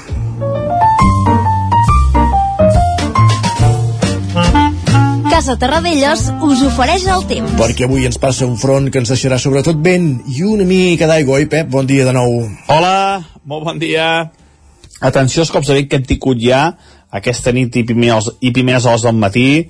Uh, el Puig de Solles hem superat els 140 km per hora, sens dubte ben huracanat, uh, molt important, i hi ha moltes poblacions que no estan habituades al vent. Atenció, avui, molts cops de 50, 60, 70 km per hora, molt de compte, molta precaució amb aquest element, eh? amb el vent que serà el gran protagonista del dia d'avui. També protagonista la pluja, la pluja que de cara al migdia, primeres, primeres hores de la tarda, ens pot afectar poca cosa, la majoria entre el 0 i els 5 litres. Només pluges de més de 10-15 litres a la zona del Pirineu. També destacable la baixada de temperatures. A partir de migdia, primers de la tarda, començarà a baixar bastant en picat el termòmetre, arriba més aire fred, fins ara aquests vents són més de sud, d'oest, i fa que la temperatura sigui bastant alta. Aquesta nit ha fet més calor que no pas la nit passada, podíem parlar de calor i tot, la nit de tots Sants va ser força, força freda, però aquesta, aquesta nit hi ha estat més eh, càlida. A partir de mitja tarda, com deia, la temperatura baixarà en picat perquè entrarà vent de nord. Aquest vent de sud que tenim ara es convertirà en vent de nord i, per tant, farà baixar la temperatura en picat. I el vent tornarà a ser eh, destacable, tornarà a ser destacable durant tot el dia d'avui. Per tant, atenció, molta precaució amb el vent. També baixarà la cota de neu. Si ara comencem amb uns 2.200-2.300 metres, estarà en aquesta altitud més o menys, ja el Ripollès ja comença a nevar, doncs baixarà fins als 1.700-1.800 metres. La nevada es pot intensificar aquesta tarda vespre nit cap al Pirineu, eh, no passarà de, de lleu o de moderada, ni de bon tros serà una gran nevada, però bueno, els cims més alts del Pirineu sí que es poden veure força, força emblanquinats. I això és tot, demà farem balanç d'aquesta pertorbació, eh, que serà important i serà l'element del vent el més destacable per tant, moltíssima precaució el dia d'avui. Adeu, fins demà. Doncs demà fem balanç. Gràcies, Pep. Fins demà. Casa Tarradellas us ha ofert aquest espai. Dos minuts i serà un quart d'onze del matí, moment d'anar cap a la cuina.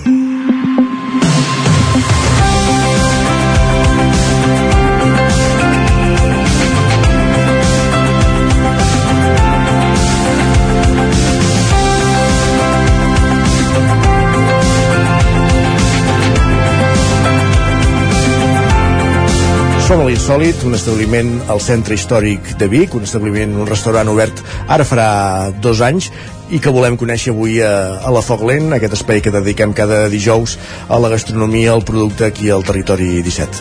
Ens acompanya una de les responsables d'aquest establiment, la, la seva cap de cuina, que és la, la Núria Zanui. Benvinguda, Núria, bon dia.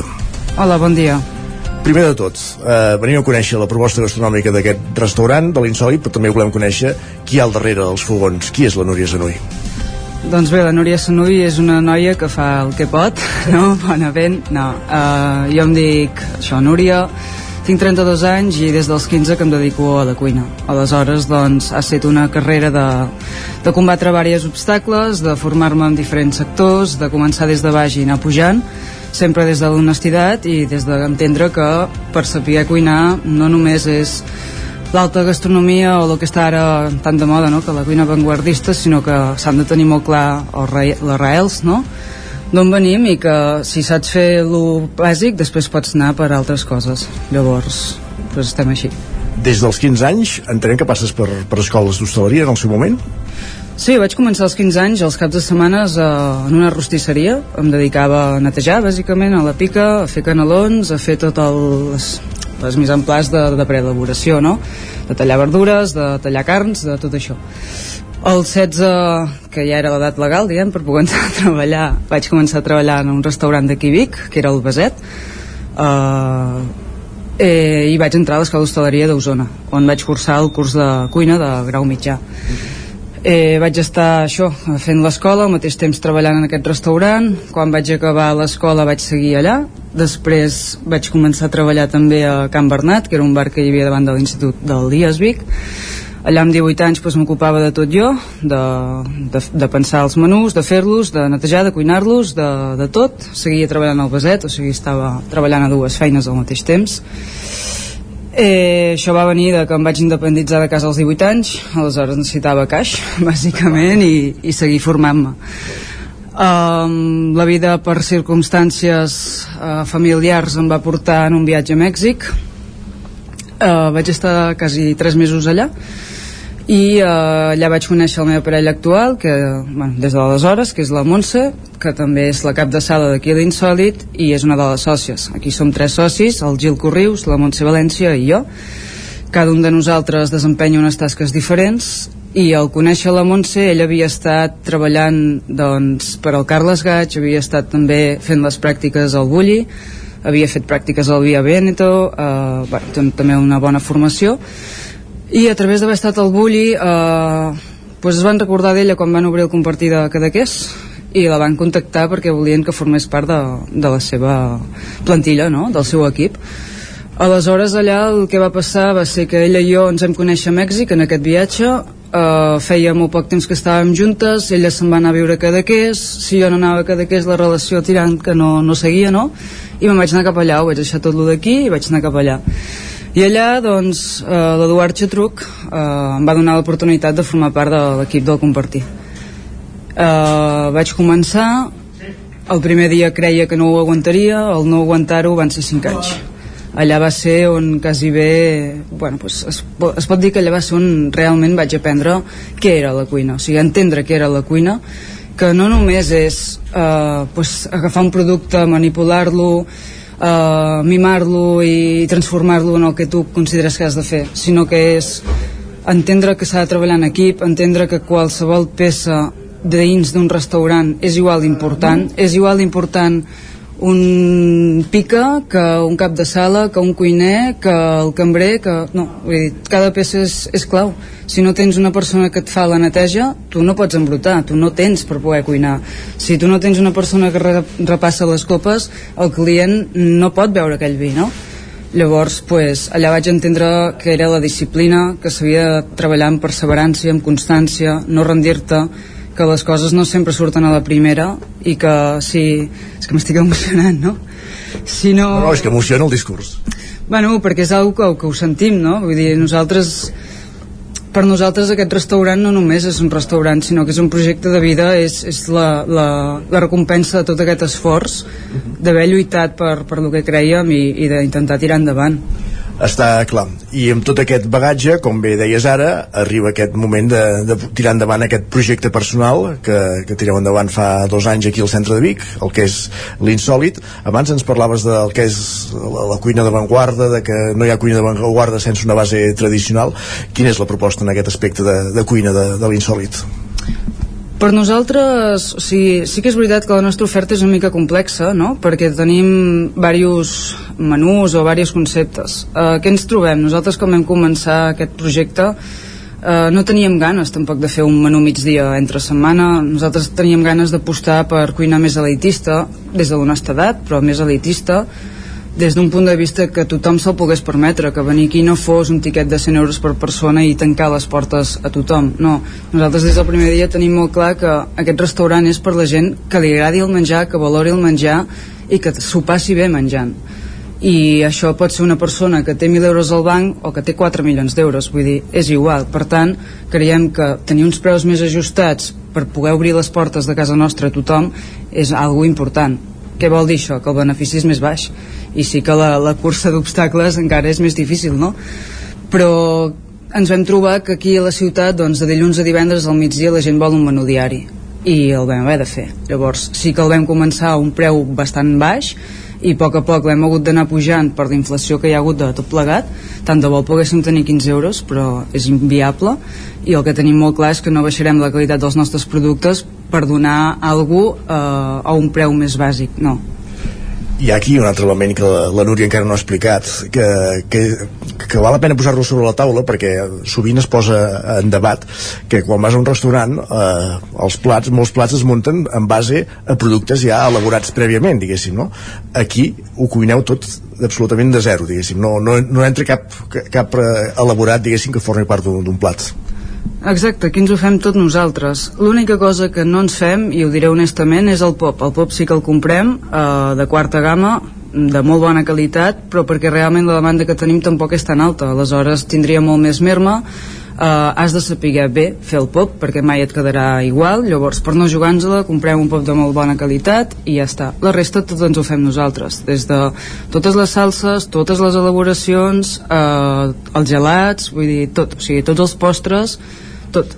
Entonces això és, és com molta més feina que hi ha al darrere que, que no es veu però que hi és i que quan algú ve no, a casa nostra i ho sap valorar doncs ostres, la satisfacció és, és molt gran de veritat.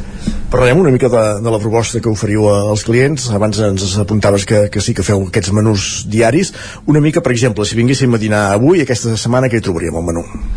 El menú al migdia sempre està compost per quatre plats, tres sense suplement i un amb suplement, eh, quatre primers, quatre segons i tres postres. Té un preu de 19,90 i t'entra la beguda i el pa. Aleshores, sempre hi ha una crema, sempre hi ha una amanida, sempre hi ha o un llegum o una pasta o... Intentem buscar uns menús equilibrats on pugui ser un primer i un segon uh, i quedis bé però no embafat intentem sempre cuinar amb la menys grassa possible de fer menús uh, adaptats per celíacs per gent amb intoleràncies a la lactosa. Perquè cada vegada ens trobem més amb això, no? que, que hi ha més gent que surt a dinar cada dia, necessita cuidar una miqueta la seva dieta, també ens trobem que cada vegada hi ha més al·lèrgies intoleràncies, no és fàcil, i intentem doncs, fer una rotació de producte i de menús perquè la gent que repeteix cada setmana a casa nostra pues, trobi una varietat exemple poses algun exemple de, de, de crema d'amanida o de plat amb llegums que trobaríem avui al menú o de, o de segon? Avui per exemple la, la crema que hi ha és una bitxissuàs de porro, patata i marisc que va amb gambeta també i crostons. De segon avui et pots trobar uns fideus rossejats de verdures i botifarra o uns calamars a la planxa amb cremós de patata. Uh, de postres uh, hi ha una panacota de mango amb colis de fruita de la passió. Mm, no sé, sempre intentem buscar coses alegres i, i que estiguin bé uh. -huh. Hi ha menú diari però evidentment també hi ha altra oferta de carta per, per els dies que tenim oberta els vespres o caps de setmana i també el menú degustació i no sé si també menús temàtics en funció de, del calendari també, no? Exacte, jo he explicat el menú migdia perquè era el, el, el, el més bàsic, no? però realment el que nosaltres ens identifica la nostra cuina és el, el menú degustació, que es diu menú insòlid. Aquest menú per nosaltres és la manera que tenim d'expressar tot el que sentim, no? tot el que hi ha dins nostre, tot el que, els coneixements que tenim entre en Gil, jo i inclús la Montse, perquè sempre valorem tot el que fem entre els tres, perquè què passa? Moltes vegades els cuiners tenim un, un conflicte amb la sala que és que nosaltres veiem el punt de vista de, a nivell professional de lo que hi ha de la cuina, no? per d'una manera però a vegades perds la noció del que vol el client. Llavors és molt important de que la sala també hi intervingui i et digui bueno, sí, molt bé, però això és pràctic de menjar o això el client es tacarà quan s'ho mengi o això realment vols dir que no s'escaldarà la llengua? Vull dir, i és, és molt important. Aleshores el menú de degustació nostre està creat des de buscar sabors diferents, buscar sabors que entre ells no et pensis que puguin, xuc, no? que, que puguin casar i, i casin perfectament que quan tu mengis sentis cosa ja sigui alegria eh, no sé, algo que diguis hòstia, mm, curiositat o inclús que no t'agradi diguis collopes, eh, què m'estic ficant a la boca, no? Vull dir, està molt clar que mai agradaràs a tothom, vull dir, és, és impossible perquè cadascú té eh, uns gustos diferents, no? Però el que, eh, el que intentem és que ens agradi a nosaltres, o sigui que per nosaltres tingui un sentit, perquè llavors és molt més fàcil de defensar, no? I el nostre menú de degustació és això. Uh, hi ha algun plat o, o dins aquest menú de degustació, dins la carta que, que triomfi més que els altres o que la gent vingui, hosti uh, em va agradar molt allò, torno, vull repetir nosaltres aquest estiu vam decidir apostar per fer un canvi de la nostra carta i ara el que fem és oferir els plats com fèiem abans, creatius igualment i, i de més, però en format més petit, més tapa per entendre'ns perquè així la gent pugui provar més coses, no? O sigui, una parella pot provar entre 5 o 6 referències, sortirà bé, ni molt tip ni, ni amb gana, no?, per dir-ho manera, que creiem que és com s'ha de sortir d'un restaurant. I, i els permet provar més cosa, no? Llavors, un dels plats estrella, per dir-ho de manera, o, o que més està agradant des que vam començar això, és un pop que tenim, que fem brassejat, que va amb una salsa de miso, una salsa de kimchi, rovell d'ou cuit, i llavors també porta ceps. Aquest pop està, bueno, porta sèsam negre, fem unes roques amb xocolata blanca, i aquest pop està sortint bastant. Les tamborinyes també agraden molt a la gent, eh, els fideus, o o carpaccio de gamba, no? també, sempre l'hem tingut des que hem començat, cada cop el canviem amb els gustos, no? però és com un dels plats que sempre estan aquí. Igual que de postres, l'esfera de xocolata i praliner d'avellanes, vull dir, és com el postre estrella, que si t'agrada la xocolata fliparàs, si no te'l menjaràs també, perquè està bo igualment, eh, i és com des que vam obrir el postre que mai surt de la carta, no? I per acabar, quan, tu, quan podem venir a l'Insolet? Quins horaris feu? Nosaltres ens trobareu aquí cada dia menys el dimecres. Uh, de dilluns, dimarts, dijous i divendres al migdia fem el menú diari i també hi ha una petita selecció d'aquestes tapes perquè qui vulgui les pugui escollir no? o afegir de més a més al seu menú. El dimecres és el nostre dia festiu i llavors també hi serem les nits del divendres i el dissabte i el dissabte i diumenge al migdia també. O sigui, cada dia al migdia menys dimecres i les nits de divendres i dissabte. Doncs hem conegut l'insòlid amb una de les seves responsables, amb la Núria Sanuí. Núria, moltes gràcies i, i que vagi molt bé aquest segon aniversari i tot el que vingui d'ara endavant. Moltes gràcies a tu, bon dia.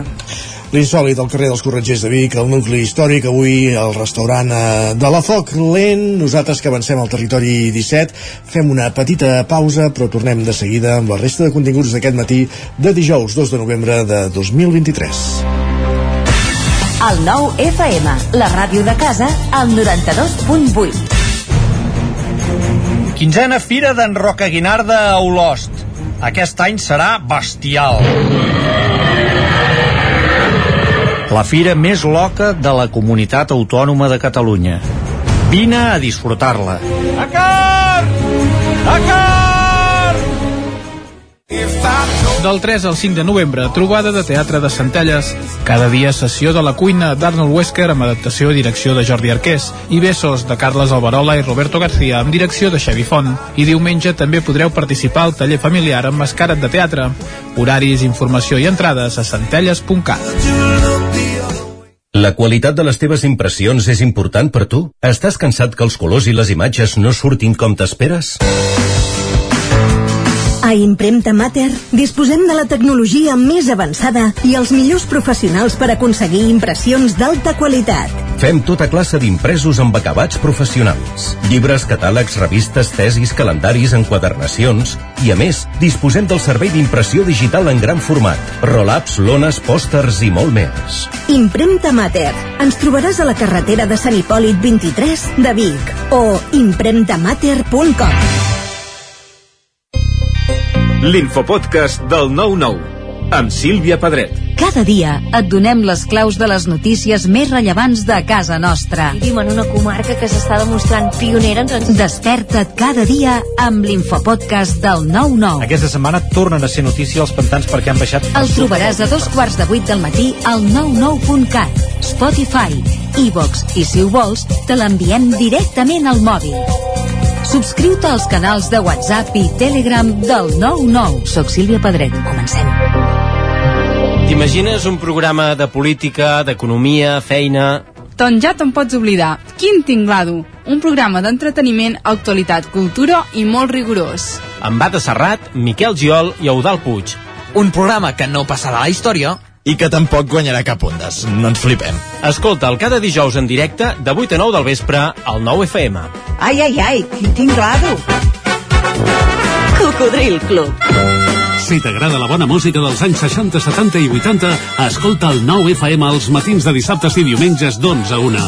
És el temps del Cocodril Club, tot un clàssic de la ràdio, amb les bases del pop-rock, les llegendes, les cançons que s'han convertit en autèntics himnes. Recorda, dissabtes i diumenges al matí, d'11 a 1, al 9 FM 92.8. Cocodril Club, el programa revival de l'Albert Malla. Hasta luego, cocodrilo. El 9 FM. En punt, dos quarts d'onze al territori 17. Guillem Sánchez, benvingut, bon dia. Què tal, què tal, com estem? Moment de repassar què diu Twitter, nosaltres bé i tu? Jo també, eh? de moment sí. Sí, m'agrada. Mira. Què hem trobat a, a X? A X. A X la gent diu que tot i el dia de festa de... Tots Sants? De Tots Sants, hi ha gent que s'ho pren bé i hi ha gent que s'ho pren malament. El què? Que facin fe fer festa? Per exemple, ens escriuen, bueno, la notícia bona del dia és que no és dilluns. Home, no, sempre sí. cal mirar el costat positiu de les coses. Semblava més un diumenge que un dilluns ahir. I tant. La Marta ens ho analitza també d'aquesta manera. Ens escriu, hi ha dos tipus de persones, els que veuen aquesta setmana amb dos divendres i els que la veuen amb dos dilluns. Tu què ets més, Isaac? Uh, dels divendres. Dels divendres, evidentment, no? Sí, ma, jo eh, sí que és cert que he notat poca eufòria a l'entorn, perquè ara si fas un festiu i no pots fer pont, sembla que ja no sigui... No que no siguis persona, que no puguis ser persona. En fi, i, I veig que la tendència serà abolir la festa de Tots Sants i fer festa el dia 3, no? Quan, quan passin com, ah, coses com aquesta, no? El divendres. També, sigui, ja allargues 3 dies. Va, ja t'ho compro, ja t'ho compro. Veus? I no sé què vas fer tu el dia 31, Isaac, al vespre. El dia 31, castanyada. Castanyada. Per descomptat. L'Anna em sembla que li va tocar viure una altra cosa. Què va, li va passar, pobra Diu, van trucar a la porta de casa uns nens amb el truc o trato. Diu, quan els vaig demanar què volien, va sortir el més petit i em va dir millor fruita que xutxes. Diu, pobres dentistes. No, no, està bé el nano. El nano... Ostres, però si has d'anar a fer un truc o, tra o tracte i demanar fruita, no sé. Em, se em sembla ja ridícul tot, això encara una miqueta més. Uh, jo, com, com que la castanyada en qüestió no era a casa, per tant no, no, no sé si van arribar no et van poder venir emprenyar, no oi? sé si van arribar a picar el timbre. Tu per això ets més d'ingesta de castanyes, de panellets... Jo de tot no tinc problema. Jo sóc més del team panellets, però hi ha gent, hi ha gent per tot. També ens escriuen, diu, mai entès per què les castanyes estan tan infravalorades per tothom, quan estan tremendes. Podria alimentar-me tota la vida només de castanyes. Infravalorades? Per què? Doncs com que jo sóc una bona persona, totes les castanyes per a aquesta usuària i que ella em dongui tots els seus panellets. Adéu, senyor. Va. Això és que no s'està les castanyes bones, les de Viladrau. Va, la Laura ens referma en una situació que em sembla que ja havíem comentat alguna vegada per les piulades a la secció. Ens diu, s'acaba la castanyada i els carrers ja guarnits de Nadal. Diu, vivim amb moltes presses. Bastantes. Home, uh... o, o més que empreses, podríem dir en previsió. En aquest Ostres, cas. no, no sé si te la compro aquesta, eh? No? Mm, Home, no ho sé. Si previsor ja tenia els llums Nadal posat, falta dos mesos. Sí, però no es pot encendre fins que, so, fins que sigui Nadal, no? No, s'encenen ja el pont de la Puríssima, que és quan comença la campanya aquella de Ah, compres i aquestes val, coses. val, val. La pista de gel de Manlleu, que aquest any no serà de gel. I... Val, perfecte, perfecte. Doncs va, avui dia dos, dia de tornar a la rutina per moltes persones, també per als estudiants. Atenció al que llegim de l'Estela. Tornar de la rutina per un dia de festa, eh? Val. Sí. D'acord. L'Estela dins ens escrivia, diu, demà tinc un examen on he de reconèixer plantes, diu, i sóc al·lèrgica a una de les possibles mostres que poden portar per fer-lo. Així que si em converteixo en un peix globus enmig de l'examen, diu, ja sabré quina és. Diu, quina sort que tinc. Molta. I tant. Va, parlem una mica de música, no? Uh, Sempre, com Madonna protagonista, no? Oh, vas anar-hi o no? No, home, no, com vos. Per què no? No, perquè jo, jo i la música tampoc és que siguem massa, massa amics. Com les castanyes, vaja. Com les castanyes.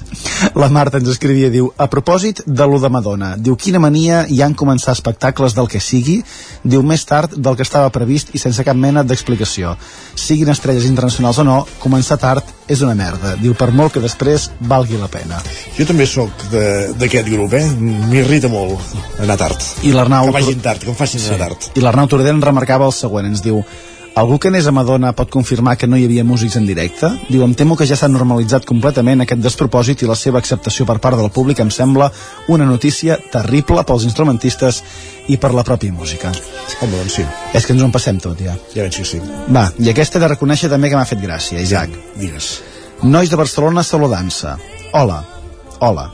Nois usonencs saludant-se. Hola, bonic, maco, com vas, malparit? Que guapo que estàs. Què dius, preciós? Home, Ja, al territori tot sempre hi ha... Hi ha tot i a tot arreu. I tant, i tant. Va, i he de dir que això que ens comenta en Jordi per xarxes avui també ho he pensat moltes vegades. No sé si en tens una opinió formada, Isaac. Aviam. Ens diu, la meva torradora es pot graduar de l'1 fins al 6.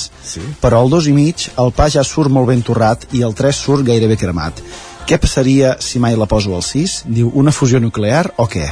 Que l'has de treure abans uh, i també hi ha una altra teoria al respecte eh? que quan la torradora està calenta el, el mateix punt on fas el pa cada dia també va més ràpid no? l'havies trobat això? Jo, jo no me la jugaré jo la seguiré posant el número més, més, més baix i encara que trigui més, com a mínim que no surti el No, pa. però, però em refereixo que uh, amb, la, amb, amb el mateix número si fas una segona torrada a continuació sí. et sortirà més Sí, perquè cremada, més torrada que la primera Sí, perquè també ja està més calent l'aparato, no? és el que dic Va, i jo personalment, com deia, no sé si ho, si ho provaré.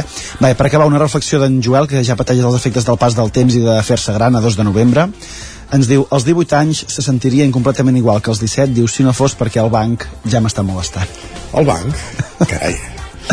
molta sort, molta sort amb aquestes gestions. Per fer-se gran també, per també sort el, comporta els això. telèfons tenen opció de bloquejar números També.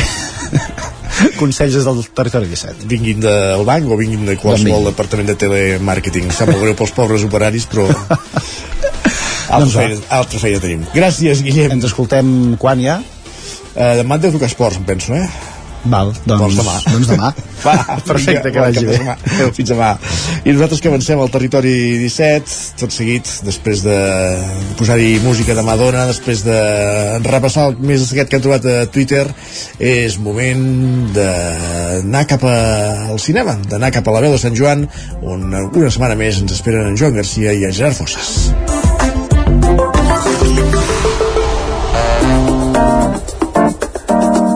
Territori 17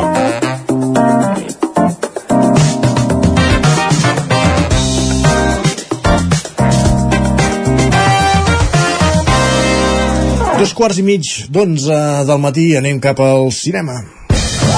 Moment de repassar estrenes de la setmana i la cartellera als cinemes de casa nostra. Amb en Joan Garcia i Gerard Fossas. I una setmana més, moment de parlar de cinema i de fer-ho amb en Gerard Fossas. Hola, Gerard. Hola, què tal? Bé, i tu? Doncs molt bé, a punt d'agafar un cap de setmana i a més a més s'acosten les dates de Halloween, que sempre són divertides pels, pels fans del cinema de terror. És veritat, uh, a tu t'agrada molt aquestes coses i segur que ho deus disfrutar. Sí, sí, i tant, i tant. Primer de tot, dic que aquesta setmana és una setmana estranya perquè sempre us parlem d'estrenes en futur, però, eh, clar, aquesta setmana, com que doncs, eh, um, hi havia aquesta, aquest festiu pel mig, aquest dimecres era festa, les estrenes es van, es van avançar i les pel·lícules de les que us parlarem ja es van estrenar ahir, eh? Sí, efectivament, les estrenes són de, del 1 de novembre, però bé, en parlarem igualment i també és veritat que és una setmana com molt discreta a nivell d'estrenes, així, com, així com la setmana passada en vam parlar de moltíssimes i hi ha moltes coses per veure. En aquest cas estem en, en un terreny més discret, així entre setmana no, no hi ha hagut res molt destacat, uh, però, però sí que hi ha moltes activitats per comentar i, i si et sembla ja podem començar. Molt bé, doncs anem per la, per la primera. Anem per la primera, que ja la vam anunciar breument eh, perquè ja ens vam assabentar que la podríem veure a Ripoll eh, des d'ahir, eh, aquesta pel·lícula biòpic de l'Eugenio que es titula Saben aquell. Vamos a prepararlo todo a su gusto. Ahí falta la mesita y el taburete en el centro, al lado del micro. Vodka naranja en un vaso de tubo y un paquete de tabaco negro, un mechero y un cenicero. Buenas noches. Y hoy, como habrán notado, estoy muy contento. ¿Y el saben aquel? Ese tío que va a una tienda de ropa y dice, perdone, ¿tienen trajes de camuflaje? Diu, sí señor, pero llevamos dos años buscándolos, ¿sabes? Caram, déu nhi ho aconsegueix força bé, eh? La, la veu. Sí, sí, sí, està bastant clavat i a més a més la, la semblança física és, és bastant destacada. Uh, però bé, és això, és una pel·lícula que, que parla de, de la vida de l'Eugenio. Està basada en una, en una novel·la, no és ben bé biografia, hi ha un punt més ficcionat, de Gerard Jofre, que em sembla que es titula igual, i és un fil que ens porta a finals dels anys 60 a Barcelona i ens parla d'aquests um, inicis de, de la carrera d'Eugenio, de, el, el pare de, de, l'autor de la novel·la, que també es deia Jofre, um, que, que bé, doncs explica com, com va conèixer a la, a la seva parella, a la Conxita, i com van començar al món de l'espectacle, que en principi havien de fer espectacles musicals, ella també estava aprenent a tocar la guitarra, i allò com gairebé per casualitat, per un temps que ella va estar fora, de tornar a Andalusia, i ella es va quedar sol, doncs va començar a fer eh, acudits dintre dels seus espectacles i a partir d'aquí doncs es va convertir en el fenomen de masses que tots coneixem. Mm -hmm. no, no sé si van, van arribar a fer alguna cosa musicalment, és que no recordo si van arribar a anar a Eurovisió o alguna cosa així, suposo que no, eh? O no, no, no, no, no, jo diria que no. Jo diria que no. Crec que van fer alguna actuació, però típica amb locals petits i tal. Ah, no, però, sí, sí, sí, sí, però, sí, sí, però sí, sí, sí. important. No, no, Van sí, sí. Sí, sí, a l'any 1970. Ah, O- o- o pues més- haurem de, haurem de veure la pel·lícula. No, perdona, també quiso participar, és a dir, eh, en la preselecció eh, espanyola del 1970 va ser candidat amb una cançó que es deia Balada de Maderero i, i, que, es pot, i que es pot veure, eh? es, pot, es pot repassar es pot tornar a veure aquesta actuació de l'any 70 Interessant. al final qui va anar-hi va ser Julio Iglesias que tampoc sabia que hi havia anat Home. per cert Molt, molt millor representant d'Espanya. Des de sí, sí. molt bé doncs el saben aquell que no sé, suposo que es podrà veure una mica tot arreu Sí, això no ho sabem perquè no, no tenim la, la informació de cartellera, però com a mínim a Ripoll sabem segur que es pot veure. Molt bé. Doncs anem per la següent. Anem per la següent, que és una pel·lícula d'aquestes que ja sí que no, no podrem veure molt probablement en cinemes propers. Um, ja, ja t'he dit que aquest, aquesta setmana és molt de- d'escarbar una mica, però volia recomanar molt aquesta pel·lícula, que és un documental brasiler que es titula Retratos Fantasmes.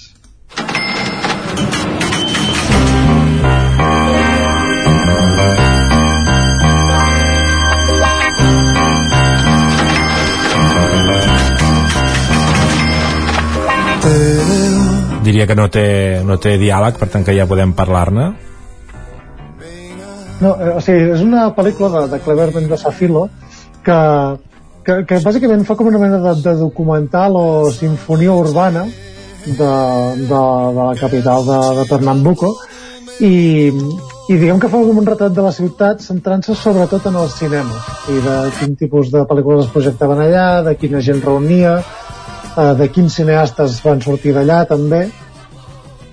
I això amb la col·laboració de, de més de 70 crítics i, i realitzadors i treballadors de la indústria brasilera doncs fan eh, aquest mm, fresc històric sobre la importància del cinema a nivell comunitari i sobretot centrat a, al Brasil.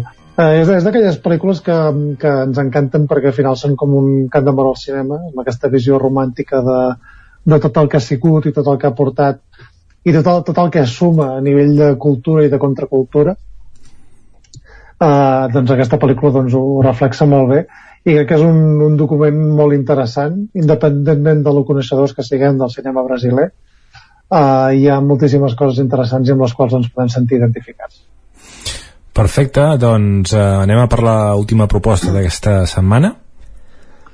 Sí, anem a per l'última, que és una proposta que ve dels Estats Units, tot i que hi ha protagonistes, eh, uns quants protagonistes asiàtics. Uh, és un film que centra en el terreny del melodrama i que es titula Vides passades. Hay una palabra en coreano. Iñan. Significa providencia. O destino. ¿Y tú crees en eso? Solo es algo que dicen los coreanos. Para seducir a alguien.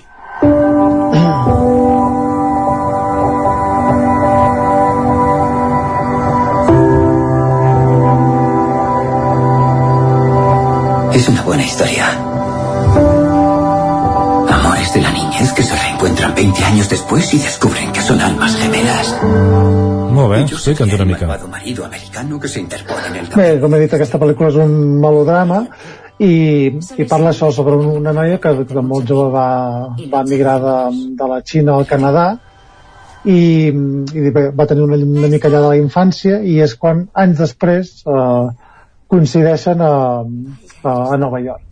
Uh -huh. uh, i a partir d'aquí és això, un retrat de, de l'amistat uh, sobre això sobre la, diguem que els moments perduts um, una mica com, com evolucionen les relacions en el pas del temps la romantització de, de, de les relacions que teníem de petits diguem que és una història com, com molt propera i explicada moltes vegades però en aquesta ocasió doncs explicada amb això, amb molta fluidesa, amb molta delicadesa i d'una manera molt emocional sense ser un, un film lacrimogen. Uh, és un film que va, va debutar al Festival de Sundance, va estar a secció oficial a competició a Berlín i va ser de, de les pel·lícules que van tenir més bones crítiques a, a nivell general. O sigui que un, un film d'aquests eh, diguem-ne d'autor d'històries quotidianes doncs molt recomanable també. Mm -hmm. Molt bé, doncs Mireu, veure ara on, on es pot veure com comentes segurament serà complicat però sí, exacte en algun moment o altre tindrem l'oportunitat de, de veure-la i ara, com mm. vam anunciar també la setmana passada, moment de, de parlar de por, perquè per aquesta època també és moment de, de terror molins. Sí, eh, recordem que justament ahir es va acabar el Cardo Terror i eh, aquest eh, divendres, dia 3, ja arrenca el Terror Molins 2023 que celebra el 50è aniversari de, de la marató de terror més, més longeva d'Europa. De, i bé, però bé, la marató ja en parlarem la setmana que ve perquè és més endavant. Però aquest cap de setmana ja comencen a haver les primeres activitats. De fet el, el divendres hi ha la gran inauguració de, del festival amb la pel·lícula La mesita del comedor. El, és la premiera espanyola de, de la pel·lícula de, de Calle Casas director de Matar a Dios um, un producte que ha sortit de l'escac i a més a més però amb una comèdia negra molt cuidada i, i és que la premissa és una parella que acaben de ser pares, no estan en el seu, seu millor moment de la relació i diuen que es desemboca, es desemboca una crisi bastant tensa i terrorífica a partir d'una activitat tan quotidiana com és anar a comprar una, una taula pel menjador uh -huh. i a partir d'aquí doncs es desenvolupa una història d'atenció que podrem veure en exclusiva aquest divendres a, al Terror Molins. Molt bé, interessant la, aquest inici, aquest desencadenant de la pel·lícula, no? Que, mm -hmm. que ja fa por, no? Ens pot passar qualsevol. Sí, sí. Però entenc que això encara és més recargolat, eh? Sí, exacte. Diguem que se'n va per terrenys més tortuosos. Molt bé. Però bé, això no és, no és l'únic que podrem veure perquè el dissabte tenim un dels plats forts del festival, com són les sessions de curtmetratges. Sempre hem destacat que Terror Molins eh, és un festival que li ha donat molt protagonisme al curtmetratge, sempre l'ha destacat moltíssim, i aquest dissabte, que ja veus, dia de, diguem, de prime time, o sigui, el dia central del festival, el que podem veure són les dues, les dues sessions de curtmetratges de secció oficial, més la sessió de curtmetratges de ser trencada, de la secció de ser trencada, que és la, la dedicada a les produccions catalanes, que pot ser que te'n trobis alguna oficial, però si no sempre hi ha aquest racó per les produccions catalanes, um, que sens dubte és un, una manera de veure talent de tot el món, també de Catalunya, uh, veure com es desenvolupa en el cinema de terror i sempre amb una selecció molt cuidada. No vol dir que tots els curs siguin meravellosos, però sempre es veuen coses molt i molt interessants. Molt bé. Què més? Mira, seguirem el diumenge amb activitats per tota la família. Hi ha el Terror Kids amb, amb diversos tallers també per, per apuntar-se de manera gratuïta i a més a més amb una sessió de curtmetratges infantils que es fa al matí, també d'una manera molt cuidada, allò amb els llums entreoberts, amb, amb acompanyament, hi ha explicacions, i és um, unes sessions molt boniques, que he pogut estar un parell de vegades i, i realment triomfen molt. És d'aquestes que, que s'omplen bastant i que la gent hi dona una, una resposta molt bona. Molt bé. I no sé si queda alguna cosa encara queda més o no per repassar de Terror Molins. Sí. Sí, per, per destacar només que durant la setmana, òbviament, el festival continua, que ja arriben ja els programes dobles amb diferents projeccions, de les quals m'agradaria destacar noves oportunitats per veure pel·lícules que van triomfar molt al Festival de Sitges, com quan de la Maldat Acecha, uh, pel·lícula guanyadora del festival, la coreana Sleep, també una de les més destacades, uh, Tiger Stripes o, o la proposta aquesta bastant curiosa que és The Funeral. O sigui que si algú entre setmana doncs, està a prop de Molins de Rei i vol passar-se pel festival a, a veure alguna d'aquestes pel·lícules doncs també hi serà benvingut. Um, abans d'acabar, per això deixem dir que, que aquesta edició del festival està dedicada a les bruixes. Um, per això s'han creat diverses acti activitats paral·leles i també en col·laboració amb la Setmana de Terror de Sant Sebastià que és un altre festival um, que en aquest cas això celebra Sant Sebastià i eh, tots dos s'han dedicat a les bruixes i han compartit una publicació com és el llibre Beso Negro, Brujeria, Cine i Cultura Pop editat per l'editorial Hermenaute on es repassa tot l'impacte cultural de les bruixes a la cultura popular i de, òbviament centrada en el cinema.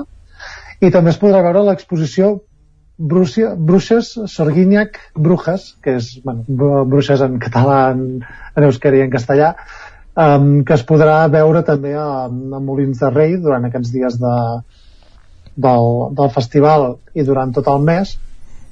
I bé, és un repàs visual eh, també des del còmic, del disseny, de la literatura, de la il·lustració també a la figura de, de la bruixa. Per tant, hi ha les activitats que transcendeixen al cinema i a més a més amb aquesta figura tan preeminent dintre de ja no del cinema de terror, sinó de, de tota la cultura popular i de l'imaginari terrorífic i fosc que, que, que tenim associats ja ben bé des de petits. Molt bé, doncs escolta, moltíssimes gràcies. Uh, avui, si et sembla, t'acomiado aquí i faig l'última part jo, t'allibero d'aquesta del repàs de, de la resta de cinemes i, i ens escoltem la setmana vinent. Molt bé, fins la setmana vinent. Territori 17 Doncs finalment en Joan també s'ha autoalliberat i qui farà el repàs de la cartellera és l'Isaac Muntades, eh Isaac? Exacte, això és els fenòmens paranormals que passen a, a Halloween. Sí, que desapareixen enllaços dels grups de WhatsApp i coses d'aquestes. Sí, han passat coses molt estranyes avui. Uh, mira, res, fem un repàs ràpid de la cartellera. Al cinema Contal de Ripoll hi tenim Sàbana aquell, de, de l'Eugenio. Mm -hmm. També tenim Super Mario Bros, la, la pel·lícula, que ja fa doncs, bastantes setmanes que hi és, i uh, Holy Spider, uh, Aranya Sagrada. Aquestes són les, les tres pel·lícules. Pel que fa al casal Camprodonit, tindrem uh, Golpe a Wall Street, aquesta és la, la pel·lícula que hi haurà, també es podrà veure en alguna sessió en, en versió original. Al Cinema Catalunya de Ribes no hi tenim uh, res. A l'Esbarjo de Cardedeu, al Festival Cardo Terror, hi haurà Xines, uh, que és la pel·lícula que s'hi projectarà. Després tenim uh, també uh, Bill Quay, a uh, la sala al museu, aquesta és una de les altres pel·lícules. A l'Alter de Torelló, uh, Les Ocho Muntanyes. Val molt la pena i, uh, sí, sí. Sí, sí, déu nhi eh? i al cinema l'Ambra la Garriga doncs tenim uh, Vermeer uh, Los Asesinos de la Luna que ja també en vam parlar la setmana passada Sound of Freedom uh, i Oppenheimer que també ja és la tercera setmana eh? en el cas de Freedom és la segona i de Los Asesinos de la, de la Luna també la, la tercera i el Casal de Gràcia de Manlleu uh, de moment a la cartellera no hi ha res Uh, fins a finals de novembre. Per tant encara uh, podrem respirar una mica. I per acabar, perdó el Cineclub uh, Vic uh, en el cas del Xic hi haurà uh, Astres Immòbils la Xengua uh -huh. això serà diumenge, la Xengua i altres contes. I també tenim EO que això serà dimarts. pel·lícula. Que això serà dimarts uh, el dia 7, correcte Perfectíssim, Isaac. Doncs dit això, el que fem tot seguit eh, la recta final del programa amb tu mateix cada dijous, després del cinema, eh, és parlar de, de sèries. I avui què, què ens portes, què ens recomanes? Mira, avui és una sèrie d'actualitat, uh, em queda a mi un capítol per acabar-la, vull dir, no sé el final, uh, uh -huh. per tant ja estic esperant de veure el que es diu Cadàveres, Bodies en anglès. Sí? Val? Però és una sèrie cossos, de... O, o també són Bodies, exacte, cossos, sí, sí, exacte. Doncs uh, és aquesta sèrie de, de Netflix, uh, és una sèrie curta, una minissèrie autoconclusiva de, de 8 capítols, aproximadament tots són d'una hora, més o menys, i és una sèrie que d'aquestes de, de l'estil de, de Halloween no és de terror, eh? vull dir té fenòmens paranormals però no, jo no la consideraria de terror seria més un drama i narra la història de quatre investigadors de quatre èpoques diferents, concretament del 1890, del 1941, del 2023 i del 2053, sí. que es troben el mateix cadàver en el mateix carrer eh, que apareix despullat amb una ferida de bala al cap i tots es troben al mateix cadàver mm. i comencen una investigació per saber qui l'ha matat Uh, aquesta pel·lícula... I, i, I sempre és el mateix assassí o tampoc? O no necessàriament? Uh, l'assassí sí, sempre és el, sempre és el mateix, l'assassí uh, el que passa que no us direm qui és, evidentment mm -hmm. uh, i, i es juga una mica Home, amb la línia temporal sempre sol ser el majordom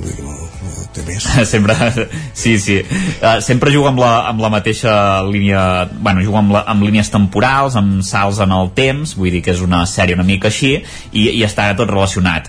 Uh, en aquest cas uh, també a més a més és, és una sèrie doncs, uh, bueno, que, que té molt de, de misteri no? perquè fins, uh, ja et dic, fins als últims capítols no se sap qui, qui són els protagonistes i que està aquí, o sigui, què, què passa realment, perquè no te n'acabes d'assabentar i hi ha bueno, quatre inspectors de policia que, que ho investiguen no? els dos primers són homes, evidentment per l'època en què està feta doncs en aquella època només hi podien entrar homes en, eh, també si, eh, és important doncs, el, el reflex de la societat en aquest cas per exemple en, en el primer cas de l'investigador eh, és homosexual i això també afecta doncs, en la investigació en el segon cas és jueu, això també també afecta, com en el tercer és una, és una dona que és uh, musulmana i, i negra i en el quart cas és una, és una noia que en el futur doncs, eh, té com una espina dorsal que li permet caminar, si no aniria amb cadira de rodes. Per tant, tots tenen també una, algun, alguns hàndicaps que fan que la investigació els hi resulti més, més difícil. I, i res, a veure com, com, com acaba el desenllaç, ja tinc ganes de veure-la i us la recomano molt aquesta. Això no ens ho explicaràs, eh? per això que si és fer spoiler, llavors. No, no, no, exacte. Al final ja, ja el veureu, l'heu de mirar. Doncs Cadàveres de Netflix, aquesta proposta, aquesta minissèrie de set capítols de, que ens explica avui l'Isaac Montades. En tens algun altre o no?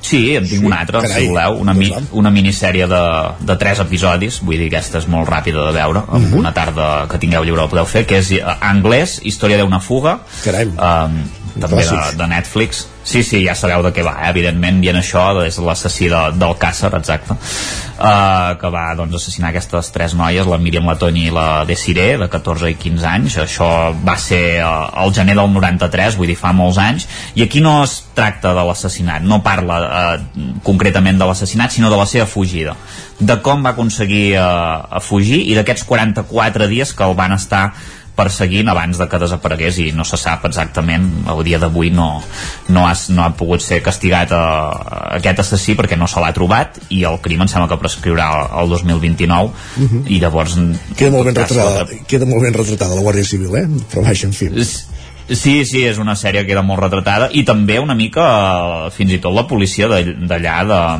d'Irlanda, perquè realment sí, sí Eh, en el segon capítol doncs es veu que bueno, van investigar una mica, sabeu que van anar de, de polissó en un vaixell fins a Irlanda, al City of Plymouth, l'Antonio Anglès quan va fugir, i allà doncs, bueno, una sèrie de gent va tenir contacte amb ell, el van tenir allà i el van deixar escapar i, i aquí també doncs, tots es donen la culpa de va ser ell qui el va deixar escapar entre els tripulants d'aquell vaixell i, i bé, doncs eh, al final, com que tots estan morts al final no sortirà la veritat i, ni, i ningú podrà dir que, que exactament què va passar i, i res, són tres capítols que són molt amens de, de veure. Està clar.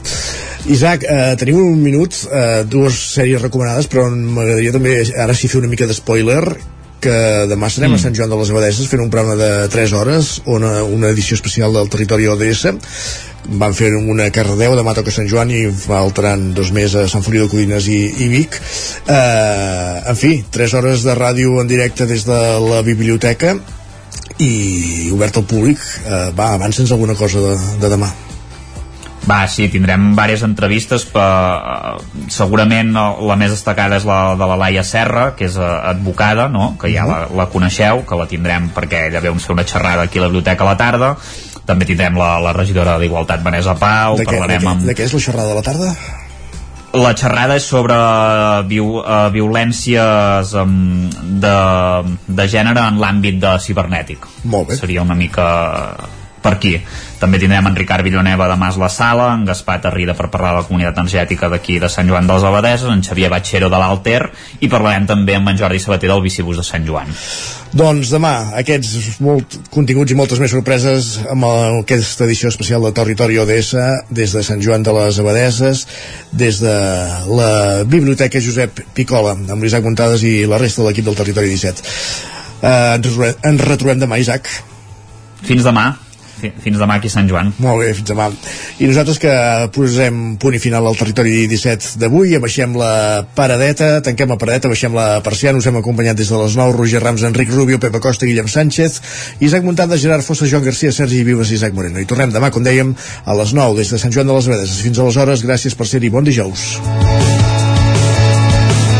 Territori 17, un magazín del nou FM, Ona Codinenca, Ràdio Cardedeu, Ràdio Vic i La Veu de Sant Joan, amb el suport de la xarxa.